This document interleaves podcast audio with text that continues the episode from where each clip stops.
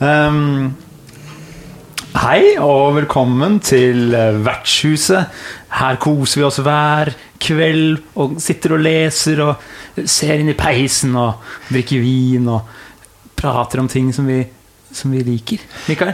Jeg vil ikke si at vi gjør det hver kveld. Altså, det er jo en måned eller to mellom hver gang. egentlig Jeg- Jeg, synes du overdriver. Jeg gjør det hver kveld. De gjør det hver kveld. Ja, Ok. Men uh, det er ikke alltid dere er her. Nei, det er sant. Nei. Og ja, jeg heter Nikolai, og med meg har vi min makker eh, Mikael. Og så har vi i dag en eh, gjest som skal være med oss her i, i bokrommet inne på vertshuset. Nemlig Kristine Vean. Hei, hei. Vean? Vean. Vean. Vean. Ja. Så jeg skal sette den, før vi går videre, sette den litt nærmere deg. For okay. den uh, tror ikke jeg plukker opp så mye. Og jeg syns det er så hyggelig at du vil være med i dag. For akkurat i dag så ser vi jo at Det er jo stappfullt av folk her med eh, sånn stilige briller. De har høyhalsa genser på seg. Jeg ser noen som skriver på en liten notatblokk borti hjørnet der. Eh, de har dannede konversasjoner. Jeg tror det er et, er det et slags forfattermøte her i dag. Ja, hva er det de driver med? Er det, sånn, det er noen som snakker om en annen konkurranse og greier. Og noe De lager noe. Ja, det er masse, De ser de sitter og skriver og skriver og skriver, og fjærpennen og blekket spruter. og det er, De er skikkelig ivrige. Ja. Ja. Kanskje de er med i den, der, den, den rollespillkonkurransen? Du mener Risk-konkurransen Kanskje 2019? det? Kanskje, Kan hende det er det de er med på. kanskje det! Og ja, da lurer jeg på hva dagens tema er. Ja, ja hva kan det være for noe? Ja, men du, vet du hva? Risk, jeg har hørt så mye risk, risk, risk. Det er ikke det brettspillet du snakker om? Det er ikke det rette. Det er ikke brettspillet. Det er en, eh, en konkurranse som startet i 2004 på eh, rollespill.net. Det var da eh, forløperen til eh, rollespill.info, som det er i dag. Eh, og nå er det jo gått eh, Ja, den er, dette er den tiende gangen, fordi at undertegnede har da ikke alltid huska å holde den konkurransen, eller vært litt sånn Jeg orker ikke. Ja, ja, ja, vi kan vente et år til. Eh, et par ganger. Men i år så var det da 15-årsjubileet for første gang. Og da var det på tide å kvesse blyanten og finne fram eh, de kreative grå og sette i gang igjen. Så shit, etter en lang hiatus så er det på'n igjen, altså. på'n Med risk. Og hva, hva står risk for, egentlig? Rollespill Infos intensive spillskaperkonkurranse. Åh, kjenner det klør i skrivemusklene. Bare jeg hører det. Det har ikke noe med Parker Brothers å gjøre. Nei, nettopp. Ok. Vi vet ikke hvem Parker Brothers er engang. Det er de som lagde Risk, da, vet du. Ja, nettopp, ja. Ja, ja, ja. ja, nå fikk, følte jeg at jeg ble outnerded. ja du gjorde det. Jeg tok rett og slett eh, rotta på deg. Men eh, vi har jo med oss eh, Kristine her i dag, og hvorfor er du her akkurat i dag? Akkurat i dag? Uh, nei, altså eh, Det er godt mulig at uh, Mikael fikk et lite spark i rumpa når jeg begynte med boccia. Ja, det må du fortelle litt om, for det, det var uh, rett og slett uh, litt digg at det kom noen fra sidelinja her og ordna en konkurranse til. Ja, Borch, hva er Borch for noe? Du, altså det var i utgangspunktet tenkt som en litt sånn kjapp, enkel Facebook-konkurranse med, med litt sånn ja, hvor aktiviteten kanskje ikke dro ut så lang i tid, da. Men så var det et behov for å skrive rollespill også. Så Ja. da ble det på en måte både den her litt sånn kjappe dagskonkurranse, og så ble det også da en rollespillkonkurranse. Og første året så kom det jo inn seks bidrag. Ja. Så det var jo veldig bra. Og da var det jo en stund siden Risk hadde hatt sin siste runde. ja, for det var i 2015, 15, ja. og siste Risk var i 2013. Ja. Så da var mm. det to års opp. Så, Så Borch var litt sånn der, litt eh, kjappere happy-go-lucky i begynnelsen. Ja, også fordi at det var det enkleste for meg å gjøre. Eh, for jeg satt jo da oppe i Trøndelag eh, for meg sjøl og tenkte eh, nei, nå har, det hadde vært litt artig med noe aktivitet. Eh, og så var det jo en del sånne innslag på eh, Facebook-gruppa fra før av. Så tenkte jeg hvorfor ikke bare samle det under en paraply og så bare kjøre ei uke med det. Eh, så ble det jo ei uke, da, og så ble det jo plutselig ei uke med rollespillkonkurranse i tillegg til den, da. Det er jo kjempekult. Mm. Og da ble det liksom da eh, ikke konkurrerte, men på en måte nøret i hverandres ild, disse to Ja, ja. For da, konkurransene, da. da posta jeg hver dag en ny eh, oppgave, på en måte, og så Mm. begynte de da å, å svare på den. Mm. Eh, og, så, og det ble ganske mye, generert ganske mye aktivitet de, den første runden, altså. Ja, det var supert. Det var kjempeflott. Det var- kokte. Det kokte, ja. Rett og slett. Så tøft. Og det, det som var litt artig, var at, å se at det var en del navn som tidligere var kanskje Altså som har vært medlemmer av Rådspillinfo lenge, men som kanskje ikke hadde vært aktive. Plutselig kom inn en del nye navn og fjes og sånne ting. Så Ja, ja, det så var litt gøy. artig. Ja, men plutselig så bruker man, uh, bruker man dette samfunnet eller mediet eller noe sånt på en litt annen måte. Ja. Og så ja, blir man litt gira, da. Mm. Merka det sjøl òg, at eh, ja, med en gang det kommer liksom en konkurranse, så bare oh, skal vi Jeg merka veldig godt altså sånn Det var jo alltid vært en del proffe bidrag. Uh, men det har også vært veldig mange som bare har vært et Word-dokument som har blitt uh, PDF-a, holdt jeg på å si. Men akkurat for Botch-konkurransen så fikk du vel kanskje litt lengre tid, gjorde de ikke det? Uh, jo, for at de hadde jo Altså, jeg hadde jo ikke sånn som ingredienser og sånne ting, sånn at de kunne jo, eh, de kunne jo eh, ganske fritt. Så de kunne jo starte ganske tidlig, når jeg sa liksom at denne uka her er det dagskonkurranser, men neste uke så starter vi. Så Ja. de, hadde jo, de hadde, kunne jo ha litt tid i forveien. Men noen av dem var jo veldig gjennomarbeida. Ja, men tenker også sånn grafisk. Jeg syns, iallfall uh, var litt sånn overraska meg hvor, eh, hvor høyt nivå det var på med hele den presentasjonen da, på de spillene der, i hvert fall. Så Det er kult når folk legger seg i selene på, på sånne ting som det Ja. der. Da blir man, sånn, man blir bare glad når man ser det. ja, det, det, Men det syns jeg er morsomt nå som jeg tok over stafettpinnen igjen. da, At mm. jeg ser at nivået i år da, har jo vært veldig, veldig høyt når det gjelder både eh, spillnivået og, og den tekniske biten med presentasjonen av spillene og den slags. Så det er liksom, jeg tror det er bare det generelle nivået bare har blitt høyere og høyere. da.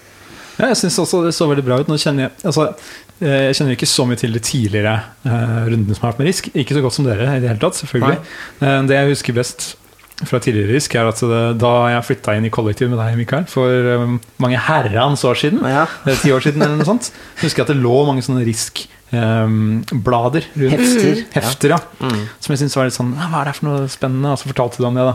Så det er liksom det siste jeg har sett av det. Det var kanskje siste gang det ble holdt også? Nei, ble det, det. Riskheftet det ga vi ut uh, i 2006. Mm, ja, ok. eh, Etter de to første konkurransene. Ja, nettopp. uh, og det var en sånn uh, Ja, vi fikk vel støtte for å trykke det opp, og så delte vi dem ut gratis til, til På en sånn seremoni vi hadde i, i Oslo. Og så har det vel egentlig bare blitt spredd litt rundt omkring, egentlig. Eh, jeg har igjen eh, Jeg vet ikke Sju stykker, kanskje? Ja, som står i hylla? Ja. Jeg, jeg glemte igjen en bag med sikkert 20 stykker på Arkon en gang. Jeg ble litt full på baren, så jeg, jeg glemte å ta med meg bagen med hjem. Så, så ja, men det, det har blitt en del, da. Eh, De, de er der ute. Det har jo vært veldig bra for miljøet, da. Syns Ja, jeg. Hvor mange ganger har det blitt avholdt, egentlig? Det er ti ganger. Ti ganger, ja. Ti ganger. Eh, er jo- det Jeg har bidratt én gang. Ja, Kristine var jo med eh, da på Marius Engebø sitt spill, Bankran, i 2013. Ja. Ikke sant? Siste gangen. Hva skjer i bankran? Altså, eh, det vi hadde gjort, er vel at vi, vi hadde satt opp at eh, det var eh, kvinnelige bankranere som spillerne skulle spille. eh, Og de skulle lage eh, på en måte de her eh, rollene sine, og så skulle vi rulle en del på tabeller for hva, hva slags type bank. Ja. Um, og det ga jo også hva slags type sjanger var vi innafor. og så var det Jeg husker det var veldig artig å sitte og lage det, den hva skjer i løpet av bankranet som gjør at hele planen går uh, skeis, da. Eh, det, var, det var veldig artig. Uh, og så fikk vi ei venninne til å tegne noen illustrasjoner til deg. Um, og så Jeg syns det var ganske vi fikk, vi fikk en pris for det. F- Vant et eller annet. Ja, Ja, jeg husker ikke akkurat. hva det var, men dere fikk en Ja. om dere ikke Men vi hadde, vi hadde en del sånn uh, scener i banken, men også en del flashback for hvorfor utfører denne kvinnen bankranet. Ja, riktig. Ja, det var litt av greia, da. Skikkelig filmatisk, uh, får jeg Ja. inntrykk av. Jeg syns det var kult å se tabeller. Da var det kanskje til og med ikke den der revivalen av tabeller kommet så godt tilbake ennå. Så da, Ja. det å se spill sånn, Risk har jo nesten funnet opp den derre trekk et kort-greiene. Sånn trekk et uh, kort med noe informasjon på. Og se et sånt spill med masse tabeller var litt sånn hei. Throwback. Ja. Ja. Det var kult. Det var, det var veldig inspirert av at eh, Marius studerte uh, kjønnsstudier, og jeg studerte uh, media og film. Sånn at kombinasjonen av kunnskapen vi hadde, ble på en måte Ok, kvinner, bankran, yes. Yes. Kult. Kult, så bra. Det var masse Dere satt liksom bare inne med så mye, mye info som dere kunne bruke. Det jeg liker med det, det du sa med bankran-greiene, at det, med en gang man på en måte planlegger det, så vil man liksom at det skal lykkes, selv om man vet at i spillmekanikken kommer det til å gå til helvete. Ja, Så ja. da, å, det er litt sånn shit, kommer nå, hvis det ikke går, så er det, litt, så er det litt sånn vondt på en god måte. det er kult. Det liker kan, jeg. det kan jo Vi alle har jo um, erfaringer med å skrive spill til Risk eller Botch. Jeg tillot meg å være med en del år sjøl, selv om jeg arrangerer. Um, Og Derfor så har de de syv pokalene som står oppe i hylla her. nei. Jeg har aldri vunnet noe som helst. Men eh, jo, kanskje jeg fikk et eller annet for det ene spillet, faktisk. En sånn liten sånn trestepremie. Ja. Ja, det kan hende jeg gjorde det. Eh, men jeg tenker eh, Dere har jo skrevet spill, og du har jo skrevet spill til årets konkurranse, Ja. Nikolai. Ja, stemmer det. Jeg skrev to spill til denne greia her. Jeg syns det var veldig gøy. Mm. Kjempegøy å sette seg ned og bare ja, rett og slett lage noe kjapt og få det helt ferdig. på en måte Ja. Eh, For det er jo så mye tanker man har som man begynner litt på å teste litt ut, og så kanskje ikke Kanskje det bare blir liggende, men Vi kan, jo sette, vi, kan, vi kan jo sette litt sånn kontekst til akkurat det du sier der. For vi skriver begge et, eh, et gigantisk norsk rollespill sammen. ja, det gjør vi. Som eh, har tatt mange, mange år. Ja. og som vi ikke er ferdig med. Og det, det, det gjør noe sånn Det er veldig bra å ha disse små prosjektene da. ja, da var det veldig deilig å bare ta en liten pause der, og så lage noe spill, rett og slett. Eh, så jeg syns det var en veldig, veldig fin øvelse, og gøy. Og jeg tenkte jeg skulle kjøre um, det ene spillet for eh, svigermor og svogeren min og noen i um, påsken, som sånn påskespill. Det kan bli gøy. Så moro. Så moro. Eh, ja, nå er jo det nytt i år da, at man har en sånn slags eh, begrensning, eller eh, i form av ingrediensene. Mm, at man må ha med en del ord og tolke de i spillet. Eh, så jeg kan jo på en måte ikke si så veldig mye om hvordan det var. Hvordan følte du det var å skrive med ingredienser som, eh, som en slags jeg vil si startskudd eller be, ja, Begrensning er jo litt feil Ja, jeg visste at det skulle komme ingredienser man måtte bruke. Så først kom jo hovedreglene, som var sånn eh, Det skal skrives et spill, det skal være en original idé, og det skal skrives på er det to uker, Mm. eller noe sånt nå, og leveres inn innen disse, disse og disse parameterne. Det kan være så langt du vil, men det anbefaler fra fire til tolv sider, eller noe sånt. Så var det ikke det? Yeah. Så liksom, ok, da måtte, var jeg klar hadde lest det, og så venta jeg bare på disse begrensningene, kall det det, da, de tingene man måtte bruke.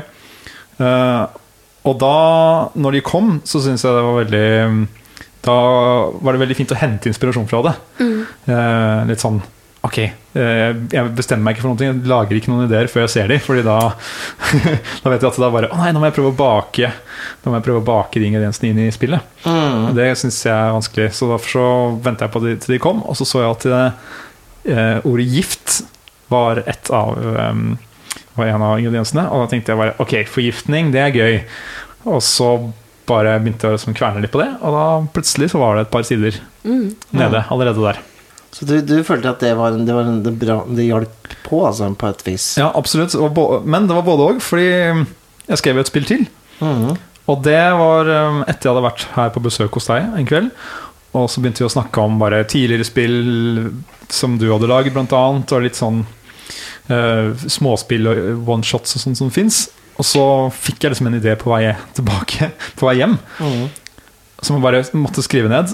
Og så etterpå bare Oi, ja, det var de ingrediensene, ja. Nei, det har ikke noe med saken å gjøre! Ah! Så måtte jeg finne en måte å liksom trykke, stappe det litt inn. Så ja, mer eller mindre heldig det. Men eh, den, det, ble, det ble noe som hadde med saken å gjøre, sånn cirka. Jeg kan jo si til de som lytter på, som ikke har sett disse spillene ennå, så kan du finne dem på www.rollespill.info under fanen eh, RISK 2019. Der er det da 15 nye norske rollespill. eh, som varierer fra én side eller noe sånt til 39, tror jeg det var det, leng det lengste spillet. Mm. Og du har da skrevet 'Arvinger', som er vel det lengste spillet ditt. Ja. Som er på et par og 20 sider? er det- Nei, det er nei, på 12 det er på sider. tolv sider. Det andre er vel på to, er det ikke det? Ja. Det er siste Reglene er på én side, og så er det litt sånn beskrivelser, egentlig.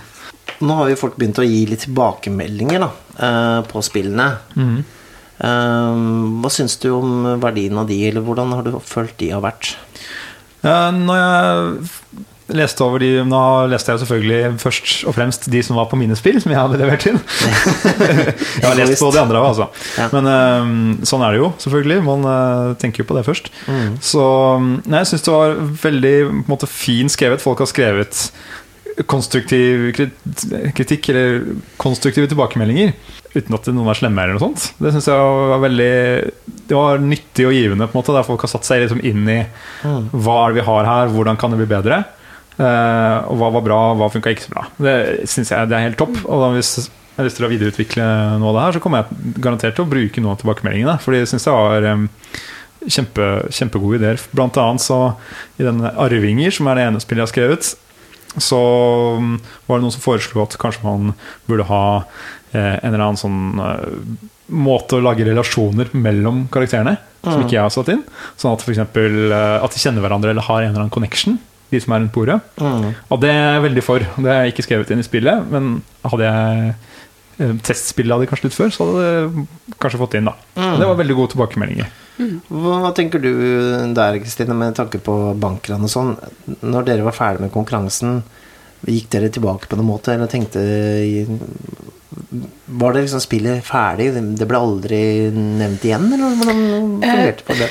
Det har for så vidt blitt nevnt igjen. Ehm, vi, vi, fikk, vi hadde muligheten til å testspille det før vi sendte inn, Mm. eh, som var veldig verdifullt.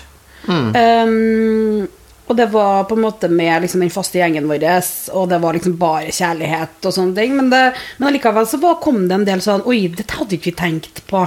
Ehm, ja, kanskje vi skal få til. Sånn at, uh, og det med tilbakemelding og sånne ting, det er jo litt sånn Der er det jo vi, vi er jo så forskjellige. Altså, noen er på en måte kanskje mer sensitiv på å få tilbakemelding. eh, Kanskje leser alt i verste mening av tilbakemeldingene. Eh, og sånne ting. Sånn at, eh, eh, men det er jo klart at en del av de spillene som ble sendt inn i år, Mm. har bra potensial. Altså, jeg var noen, når jeg leste det, så tenkte jeg oi, det her har jeg egentlig lyst på en kampanje av. Ikke én spilling, liksom. Ja, ikke sant?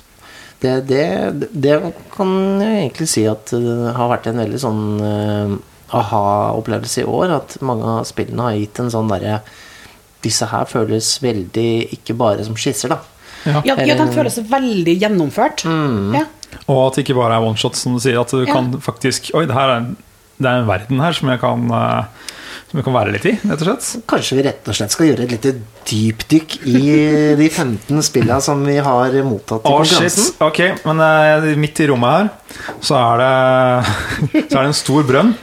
Og nedi der så er det Syns jeg hører noen lyder. Noe sånn der Skal vi hoppe oppi der, eller? Det kan vi gjøre. Er det en portal?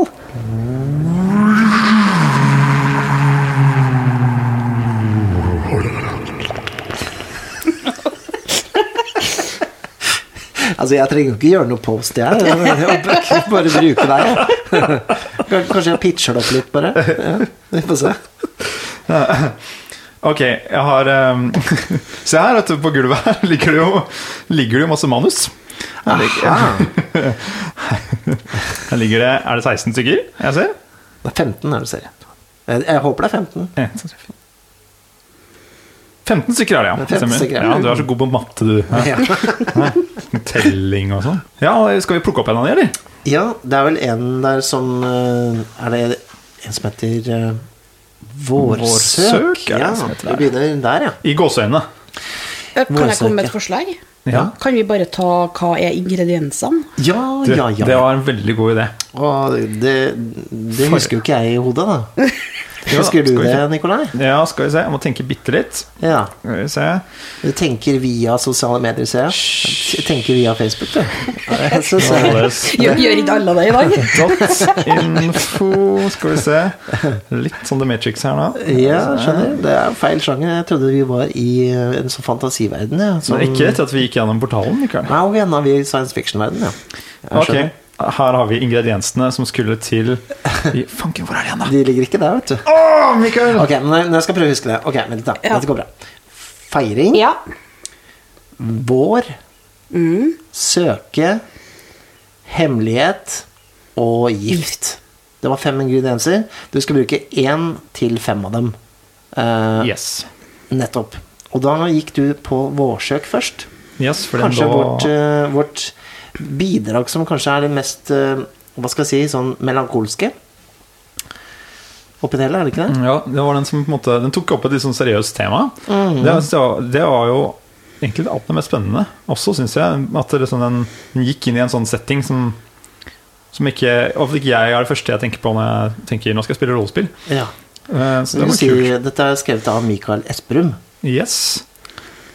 Eh, Og så handler det om en leteaksjon etter et forsvunnet barn eller et forsvunnet person av et samfunn. Mm. Og det man skal gjøre, er Man skal, så vidt jeg forsto det, i hvert fall, man skal eh, være letemannskapene som leter etter noen som er forsvunnet. Noen som betyr noe for lokalsamfunnet. Mm. Og man skal kjenne litt på Man skal kjenne litt på ting. Man skal kjenne på, men først og fremst på samholdet som kommer gjennom en sånn felles mål som er alvorlig og tragisk og sånt. Men at det også på en måte fins gode ting eh, Gode ting der. Eh, og eh, litt sånn der han har putta inn noen sånne overskrifter, uh, sånn, sånn sitat typ med at uh, før sto folk på T-baneperrongen uten å snakke sammen. Nå prater de med hverandre. Ikke sant? Eh, sier uh, en eller annen fyr etter Aftenpostens spørsmål om hvordan det var å stå i det. Ikke sant? Mm. Eh, så det er et spill, ja, et spill som rett og slett handler om de følelsene der. Hva tenkte dere om det dere leste dette spillet? da? Jeg tenkte at det var eh, Altså Første reaksjonen var sånn Oi, dette var veldig, veldig sånn tett på. Veldig, veldig sånn Nesten Altså For det første så er den jo basert på en, på en sann historie. Uh, en faktisk eh, forsvinningssak. Mm. Som, som jeg syns var veldig modig, og ja, litt sånn uh, Ja, det er, det er litt i, sånn, i, så, I vår tider hvor vi er litt mer hårsår på sånne ting, så, så, så, så gikk en liten varsellampe opp hos meg. Men jeg syns jo også at det er håndtert bra. Jeg skjønner jo intensjonen her. Mm. At det, den saken på en måte er en eh, Det hjelper nok at det faktisk er en ordentlig sak også, for å kanskje føle litt på, på akkurat de følelsene der, da. Jeg tror det gjorde at, Iallfall det gjør i hvert fall sånn at jeg følte litt ekstra på det. Mm. Eh, hva, hva tenker du? eh, Ja, nei, altså, jeg tenker at altså, Jeg, øh, jeg syns egentlig at det var litt bra at det kom et sånt bidrag når det kom inn så mange bidrag, at det også var noen som torde på en måte å ta tak i en liten sånn nerve. For at det her er jo Altså, eh, rollespill er jo artig og, og, og det, men eh, altså, rollespill kan også eh, ta opp en del tematikk og brukes, altså tek, rollespillteknikker brukes i andre situasjoner og sånt. Ikke? Så at jeg syns, jeg syns det var egentlig litt bra, men det ble gjort med respekt. Um, og jeg syns på en måte at eh, likevel så inneholdt uh, rollespillet en distanse, da. Sånn at det, det, det var ikke den leteaksjonen man skulle spille gjennom. Nei. Nei altså, man skapte på en måte den leteaksjonen uh, som en annen ting, da. Eh, jeg syns egentlig det var litt fint at det kom et sånt bidrag også. Mm. Ja, absolutt. Det, det viste jo også Siden den også havna øverst eh, på lista, litt pga. tittelen, så, så mm, var det som den jeg leste først, da, da bidragene kom. Mm. Uh, og da var det sånn Å ja, nettopp! Ikke sant? Ja, fordi det kan jo være så mye rolleoppspill, liksom. Ja. Eh, og det, det var fin sånn eh, inngang i det, ja. En sånn trigger på, på hvor bredt det kan være. Og det, det, det, tankene går jo på en måte til uh, f.eks. Matheis Holter eh, sitt eh, spill i gang tiden som omhandla holocaust. Han fikk jo kunstnerstøtte for det. eh, Og at rollespill, og norske rollespill, kan være Ta opp tyngre temaer. Altså, vi, vi, vi finner jo Vi bruker jo rollespill allerede til å bearbeide ting. Altså, til og med ja. Dungeons and Dragons kan jo Det kan jo bli ganske uh, intenst der også, med tanke på dramaet som foregår. Ja, absolutt. Så det å ta, en, ta noe som er litt enda nærmere virkeligheten, eh, syns jeg var modig og, og spennende. Jeg vet ikke om vi skal dypdykke for mye i hvert spill. For dette er jo sånn Folk skal jo stemme og, og gjøre, sånn, gjøre seg opp egne meninger om det her. Det ligger jo på rollespill.info, alle disse spillene. Ja, Der ligger også lenke til, eh, lenke til eh, avstemning. Eh, Det er én for spillskaperne seg imellom, og så er det én som er åpen for publikum. Og Ja. når er fristen for å stemme? Fristen er den 15., altså utropes eh, vinneren eh, den 16. Skal vi se, skal vi ta plukke opp et av de andre manusene fra gulvet her, eller? Det kan vi gjøre. vet. Nå, jeg kan jo ta Neste liste er jo den som jeg har skrevet, da. Så Ja, kan du ikke ta, jeg- denne, ta den, så så kan du prate litt om, om det. Skal vi se her. Arvinger heter den. Arvinger, ja. Skal vi se, Du kan jo fortelle om hva du tenkte, da, i hvert fall, Mikael, når du så på der. Så- Ja, eh, jeg syns det var veldig gøy, fordi jeg, kjenner, jeg har jo vært på, på gården din. ja eh, på Hadeland. På Hadeland. Og med en gang så tenkte jeg at her har eh, Nikolai på en måte tatt litt inspirasjon fra hjembygda, men på en måte ikke. Ja. Fordi at eh, det, spillet handler om at man spiller arvingene til en stor formue og blitt eh, eh, måte innkalt til et, eh, si, et middag eller møte da, med eh, denne personen som, som man skal arve pengene fra. da. Nettopp. Blir- Man skal få rett og slett forskudd på arven bli delt ut, og det er store penger. Mm. Men denne personen da, som, eh, som deler ut, skal dele ut den arven, han eh, forgifter alle gjestene. Ja. Eh, og for det Jeg vet ikke helt motivasjonen for det, men det, de blir iallfall forgifta. Og den første de, de som finner motgiften, da, eller de som overlever, den, de får rett og slett arve eh, hele sulamitten. Yes, Og det stemmer. eh, det første jeg tenkte, var at dette her er et artig party-rollespill. Mm. Ja, det var litt sånn jeg tenkte at det skulle være gøy å bare sette seg ned og ja, Litt sånn selskapsspill, nesten. Eh, sjanger. Men du skriver litt grann sånn Altså, du kom inn i rollespill for, sammen med meg, egentlig, rundt 2013, du. ja. Men jeg husker, og, og, og det virker jo liksom du har skrevet et spill som passer bra for folk som ikke spiller rollespill fra før. ja, det var kanskje litt, var kanskje litt sånn jeg tenkte, ja. Altså, det, jeg har jo mange venner som ikke spiller rollespill, eh, som jeg tenker det hadde vært gøy å spille med de. Kanskje dette er mm. dems gateway. Jeg syns den var veldig påskekrim. eh. Ja, passer litt til Eh, ja, påsken, det her. Det er også. Ja. Hva syns du om eh, arvinger? Eh, Har du noen tanker om det, Kristian? Du, vet du, jeg, jeg likte den veldig godt, altså. Uh, jeg, jeg, er, øh, jeg er jo for så vidt enig i det der. Altså, for at den har Du har det her kartet. Sant? Du skal bevege deg fra rom til rom. Eh, det er en del brettspill, Mm. er litt ja. inspirasjon her. Eh, øh, oppe i Trøndelag så er vi veldig glad i Betrayal at Thousand Hill. Eh, sånn at jeg fikk liksom Jeg så, jeg så rommene for meg. Det var liksom Ja, også det her tårnet og den her gifta. eh, eh, det er definitivt et spill jeg kunne tenke meg å ta tatt opp på spill, liksom. Ja, så- så gøy. Ja. Når jeg leste, så var det sånn Da jeg kom fram til Det er jo en, en spillerdel eller en, eller en sånn regeldel, og så sier de stopp, her må du ikke lese lenger hvis du har tenkt å spille det. Og da var det sånn ja, Da var jeg investert, da når jeg kom til den biten.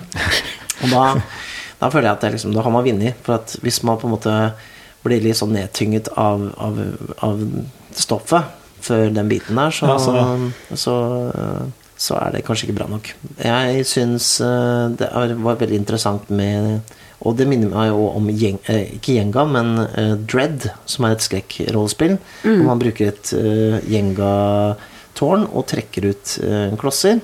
I dette spillet så stacker du terninger oppå hverandre. Og når terningtårnet raser, da dør du. Og da I spillet da, så er det sånn hver gang du gjør en anstrengelse være seg å åpne en dør eller gå opp en trapp, eller hva en, som kan anses som en fysisk anstrengelse, så må man sette en terning opp på toppen. Yes. Så, det, så Jeg har ikke prøvd det spillet, her, men jeg vet i hvert fall at den biten funker veldig for, uh, for liksom en stressfaktor. da Ja, en, det er- sånn følelse at du ser fysisk eh, fremfor deg at nå går det snart gærent. Er, men, og det er ikke bare spennende for deg, det er også spennende for dem rundt, for de ser også Ja, at det her tårnet, og de vet at det er min tur snart. Uh, ja. Ikke sant? Men, det, men det, det jeg kanskje liker aller best, er jo at rollen din er ikke ut når Nei. du dør. Du er faktisk med videre. Yes, det, det er veldig kjedelig å sitte igjen og ikke kunne gjøre noe resten av Yes, kvelden. yes. Det er som å ha trent for det, da. Så ja, men det, er- det hyggelig at jeg Mm. tenker at det kan være spennende å spille. Så det gjenstår å se, tenker jeg, om, om det funker. For jeg har faktisk ikke rukket å prøve det, rett og slett pga. så mye annet som skjer. Eh, Annet enn å liksom prøve å stacke litt en sånn tårn og se litt sånn Hvor langt kommer du? Ja, hvor, hvor mange trenger man egentlig? For det var ikke så mange som jeg trodde, så Men det, det- kan nok være litt dødelig, det her. Det er jo litt interessant, for det er jo litt sånn med å skrive rollespill og, og lese dem, er jo det at noen ting kan du lese fungerer, på en måte. Og andre ting på en måte må spilles. Du vet jo på en måte at det, det kommer til å fungere, for at reglene er jo egentlig bare delt opp i at du stacker terninger, og på et tidspunkt så vil de jo rase. Det eneste som kanskje kan være litt vanskelig her, er hvor høyt kan et sånt terningtårn egentlig bli, og hvor Yes. mange terninger må du ha tilgjengelig for å spille med så og så mange mennesker? Ja. Eh, for ellers så brukte man bare kortstokk som, eh, for å gjøre andre handlinger, ikke sant? ja, det stemmer. Sånn, eh, hvis det blir rødt kort, så klarer du noe. Hvis det blir svart kort, så klarer du ikke. Altså reglene Når man leser dem, så skjønner man at det kommer jo til å fungere. Det er jo ikke sånn Altså, hvor gøy det er, kommer jo litt an på, men du ser jo at reglene de, de, de fungerer jo sånn bare ut ifra det. Eh, Det er verre litt sånn med kanskje spill hvor du bruker litt mer kompliserte algoritmer, da. Eh, Og det kommer jo sikkert til seinere. Så det er lett, lett å se at det her kommer jo til å fungere til en viss grad, da. Man kommer i hvert fall til å skjønne det, tenker jeg. Og det er jo, jeg tror det kanskje er fordi at jeg føler selv at jeg har litt tungt for det når det kommer til regler. Så jeg må lage et eller annet som er lett å Jeg, jeg syns jo den er perfekt Gjøre. for eh, påskehytta, da, for at du har både yatzyterningene Ja. og kortstokken. Ja, så er du klar, liksom. Se på for meg han ene Han ene kiden som bare Åh, yatzy nå igjen. Nei, folkens. Skal ikke heller spille arvinger. Ikke sant? Ja, så han trekker fram det istedenfor da. Ok, ok, men nok om mitt spill. Ja, du blir, du blir forlegen. Jeg blir forlegen og klein. Ja, men, men det er en ting med det spillet, og som jeg ser på en måte er med flere av de her spillene, er at det er et visst sånn konkurranseaspekt blant spillerne inn i flere eh, av bidragene uh, den gangen her. Det er jo Ja. litt sånn interessant at, de har, at det har plutselig blitt en sånn greie at det har kommet inn. Jeg også Ja. tenkte på det etter at For etter jeg hadde skrevet dette første spillet, så var det litt sånn Ja, men ja, det var egentlig begge. Skrevet og også bare Ja, men nå driver jeg og kårer vinnere her. Det er jo ikke et Det er jo ikke, det er jo ikke et nettspill, egentlig. Men, for det er jo et rollespill. Man skal jo kunne sette seg ned og lage en rolle og, og bare ha det gøy, sånn som man gjør i et rollespill. Jeg tror det er litt sånn konkurransens form, at det er det korte spill og sånne ting. Ja. Eh, og at eh, dette har jeg opplevd sjøl når jeg skal skrive et riskspill, at jeg tenker veldig fort i de, i de rammene at det skal være en, et lite kortspill, og at det på en måte er en slags sånn konkurranse. Jeg vet ikke hvorfor det skjer, men i et rollespill, et vanlig langformrollespill, så har du så mange, mange andre elementer som gjør at eh, det ikke blir så viktig med hvem som vinner, tror jeg. jeg tror Ja, det, jeg du har en verden, og du har um, ja, det er større alt sammen rundt. Ja, Rollene kan ha for så vidt mål som de skal oppnå i løpet Mm. av Men her var det liksom sånn tydelig flere av bidragene at slik vinner du spillet. Ja. Typ, ja, mm. Og det, det kan jeg liksom ikke ha huska fra Ikke fra bortsbidragene heller, eller fra Nei. tidligere riskbidrag. Nei, kanskje ikke. At det er en sånn greie som har kommet inn nå. Ja, jeg tenker at det kan være Hvis man prøver noen av de spillene Kanskje alle bruker påsken til å prøve alle disse spillene. Men, men kanskje man merker eh, at Ja, kan man si om man liker det eller ikke, da. Mm. Og så neste gang det er risk eller bortskonkurranse, så kan man tenke, hvis man vil skrive et spill til at bare Hvis jeg ikke likte det, så skal jeg ikke putte inn den mekanikken. Det, det var jo en ting som Ja, man skriver bare, og så skjer det. Så kan det være lurt å ha sånne ting i bakhodet, ja. At rollespill behøver jo kanskje ikke nødvendigvis handle om hvem som skal vinne, nei. Ja, men jeg hadde jo også et sånn Jeg, sk jeg skrev et eh, sånn rollespill på siden. Uh, fordi jeg ble misunnelig på at alle andre skrev. Så jeg skrev også et lite spill bare for meg selv. Uh, og jeg fikk også en sånn mekanikk hvor det var liksom litt om å vinne. Eller man vant over spillet, da, for så vidt. Men det var som en, en seier og et tap. Mm. Uh, og det, det trenger du jo egentlig ikke å ha i rollespill. Men det er jo fordelen med de her korte, da. Altså, når du spiller en kampanje, så investerer du vanvittig mye mer tid, og da føles det feil om det at det er én som sitter igjen som en vinner. Men på sånne spill, hvor du kanskje ikke investerer så mye energi og kjærlighet og det er i karakteren din, så har det kanskje ikke så mye å si. Nei, enig i det, altså. Ja, nå kan vi jo gå gå Ja, nå har jeg kasta med to, to stykker i peisen, så da ligger det til tredje. Er det det vi gjør? Ja, når vi er her nede, så bare slenger vi det på det er, Alle vi har lest gjennom, går i peisen. Og så er det ett som kommer ut, ikke sant, som vinner sånn, sånn, etterpå. Eh, skal vi se, da har vi den tredje som ligger i stacken her. Som, oi, oi, oi, det glinser jo den her. Ja, det er den, ja. Den gylne okse heter det. Ja. Jømmen meg. Og hele her er jo Ark pergamentene er jo til og med farget i I pergamentfarge. Rart det der. Yes. Men anelse papirhus. yes. Og det her er skrevet av Øyvind Stengrunde. Det er jo godeste vandrerne, Øyvind. Vandrerne-Øyvind det, som har skrevet den her. Eh, hva tenkte dere det, når dere leste denne, denne lille luringen? da? Det er uh, seks siders spill. Uh, først og fremst altså visuelt veldig nydelig. Den er jo Ja, det er jo som eh, kvalitet. Eh, jeg syns det er veldig artig å snakke om de gangene man ikke lyktes. Eh, og, og det skjer jo innimellom også i kampanjer. Eh, men eh, ja. eh, også eh, jeg liker veldig godt når man splitter opp i tid. At man liksom hopper litt. Hva skjedde egentlig? Og så spiller man noe først. Og så, for i første delen så bestemmer du ganske mye egentlig hva som skjedde, uten at du setter detaljene. Og så må du gå tilbake i historien og så finne ut hva var grunnene til at det gikk sånn som det gikk. Nettopp, for her er det liksom en gjeng med eventyrere som sitter på Den gylne okse, vertshuset, og snakker om bare hva gikk til helvete Ja. på det eventyret vi nettopp var på? Mm. Og så er- kommer bartenderen og liksom setter fram noe å drikke, og så skal man drikke opp glasset sitt og fortelle. Og så er det Det var tre, fire faser, er det ikke det? Det er flere faser, i hvert fall. Og hver fase så skal man liksom Så er det et eget lite regelsett. Sånn, sånn Det er instrukser. fem, fem faser. Fem faser er det. Det jeg syns var så fint med det her, var at du på en måte kunne spille det som en live. Altså at det var ikke noen forstyrrende elementer. Eh, Det var liksom Du kan kle deg ut i på en måte fantasy cosplay-klær og bare leve deg inn, for det er ikke noen terninger eller noe som for, liksom tar deg ut av situasjonen. Da. Ja, du tenker at du kan, du kan gjøre det som et eh, sånn teaterstykke, nesten? Eller sånn at man spiller ut teatret, rett og slett? Ja, ja, ja. Som øh, Det syns jeg var litt fascinerende, og veldig sånn lekre eh, regler, da. Mm. Det den eh, minner meg veldig om eh, en live eh, som heter The Drinklings. Hvor man spiller forfattere som sitter og snakker eh, om den nye boka de driver og skriver. Så på, før spillet så har man på en måte bestemt noe tematikk og litt sånne ting. Og, så, og vi spilte jo på et utested i Trondheim. eh, sammen med helt vanlige folk rundt og sånne ting. Og, det, og da ble jo også hver scene avslutta med at den ene signaliserte at nå er glasset mitt tomt, så nå skal vi gå og fylle på mer. Ja, det er, å, jeg syns den mekanikken er så fin. Bare at, det, liksom, at du ser, alle kan se hvor man er i spillet, bare å se på glasset, liksom. Mhm. Minner jo litt om uh, Inntil vi synker, som er et sånn klassisk uh, risky-bidrag, hvor uh, man gjør noe av det samme. Man uh, har et vinglass eller noe sånt, og så når man setter det fram, da, så signaliserer man at, til de andre at nå vil jeg at scenen snart skal ta slutt. Og så kommer de andre og setter fram glassene sine, eh, helt til alle eh, glassene på en måte er dyttet fram litt, og da, da er det en ny scene, da. Og så rett og slett jeg syns jo si, Det ser pent ut. Det er, sånn, det er gjort en liten jobb med, med layouten, og det er liksom det er én scene på hver side. Ja. Og det er ganske deilig. Du blar om, der er scena, og så liksom Når du er ferdig med scena, så er siden ferdig også.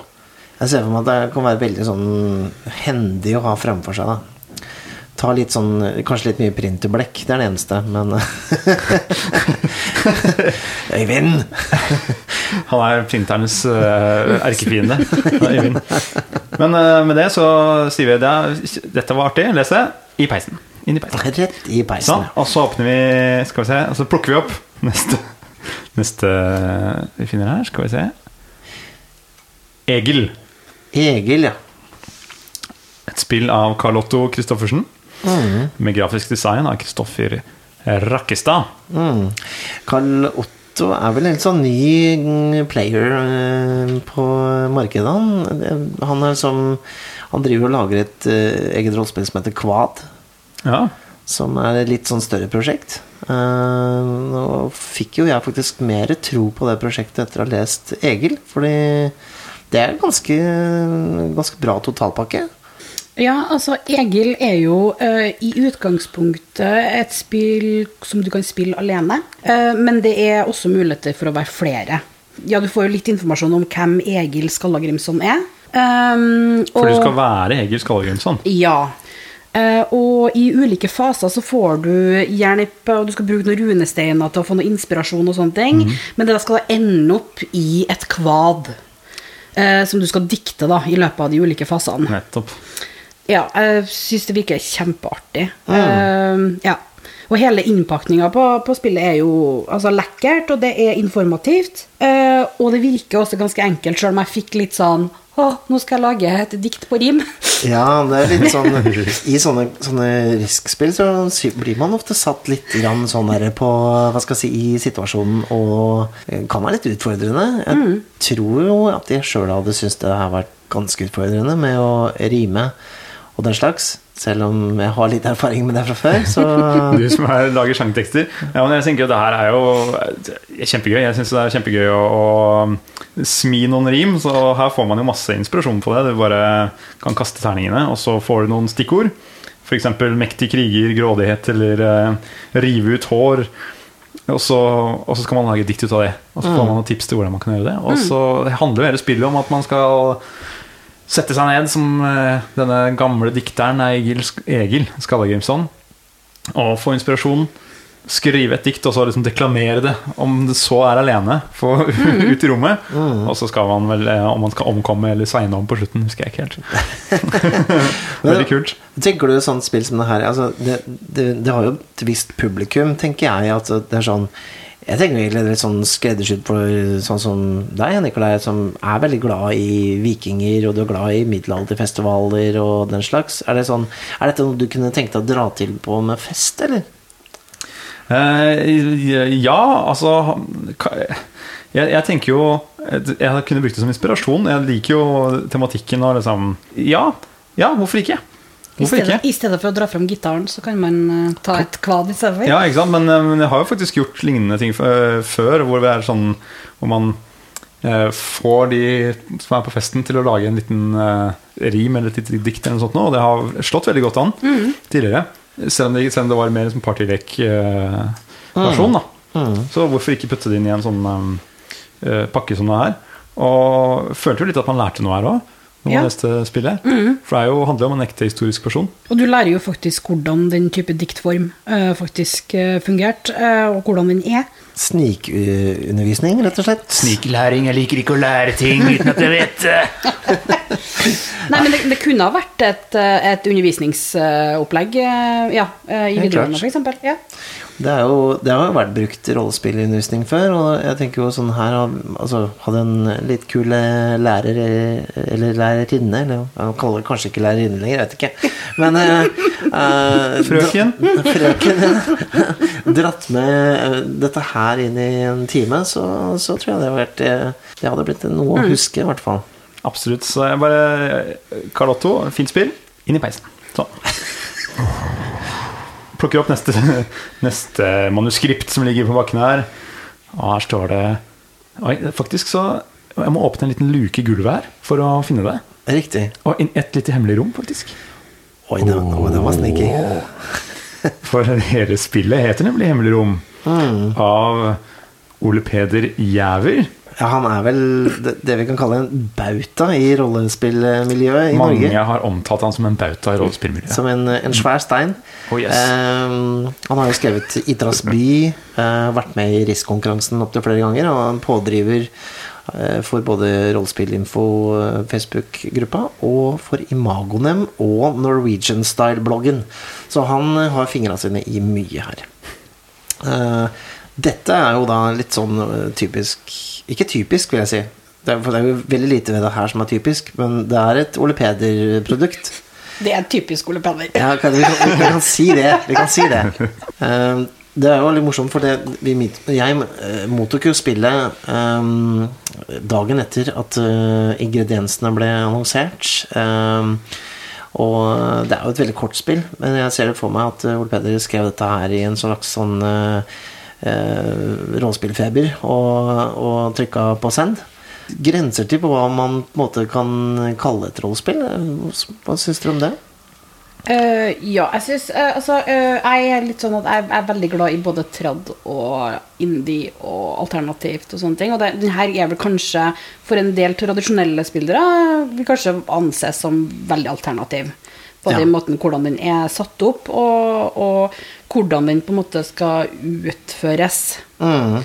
Uh, den er jo Altså, ja, du, sa- du sa liksom litt sånn i feberstorm, men den er, den er tight. Den er bra skrevet. Det er konkret. Det er eh, Ja, altså Den er på en måte både vanskelig og enkel. Mm, mm. Eh, og den tar kanskje opp noe som Jeg syns kanskje uh, Altså, det her med å lytte til dine medspillere, også både, altså medspillere og spilleder og spilleder og, med, og spillere, eh, er kjempeviktig Mm. eh, i rollespill. Så den er jo på en måte litt sånn meta Absolutt. Jeg, jeg, jeg leser jo det her som en, sånn, det, som en øvelse i å bli Ja. en bedre rollespiller. Mm. Det handler jo om uh, at man alle sammen skal gå sammen og se for seg et rom. Så skal man beskrive forskjellige Man har ansvar for forskjellige deler av rommet. Eh, lukter, lyder, løsøre, sånne ting. Og, og, og det er lagt inn pauser hele tiden, i, både i teksten og på en måte at det rent skrevet ut. Liksom, hva slags lyder er det her? Vent. Man, fysisk altså man har skrevet at man skal vente. Og det er jo eh, noe som kan være fint å ta med seg inn i andre spill. At man får, det der, får de dramatiske pausene. At man virkelig setter seg inn i hvordan ser det ut her. Og, og man skaper den stemningen for sitt indre øye. Så ja, virkelig en øvelse i å bli en bedre rollespiller. Les dette spillet og, og, og ha det enda mer gøy med de andre spillene, rett og slett. Mm. Er det litt sånn også der en øvelse i å vise respekt til dine medspillere også? At du på en måte lar alle Det med pausene, det at det er en veldig sånn ritualform på det, at du, du, du lærer deg på en måte å være hva skal jeg si, omtenksom mot de andre, da. Så, selv om hvor, hvor, hvor liten rolle de har.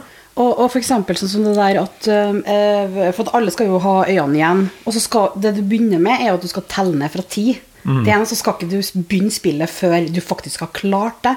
Og det er, du vet ikke hvem som skal si neste tall. Og hvis, du, og hvis to sier det samme tallet i munnen på hverandre, så skal du starte helt på nytt igjen. Og det høres kanskje enkelt ut, men det der er en fryktelig vanskelig oppgave.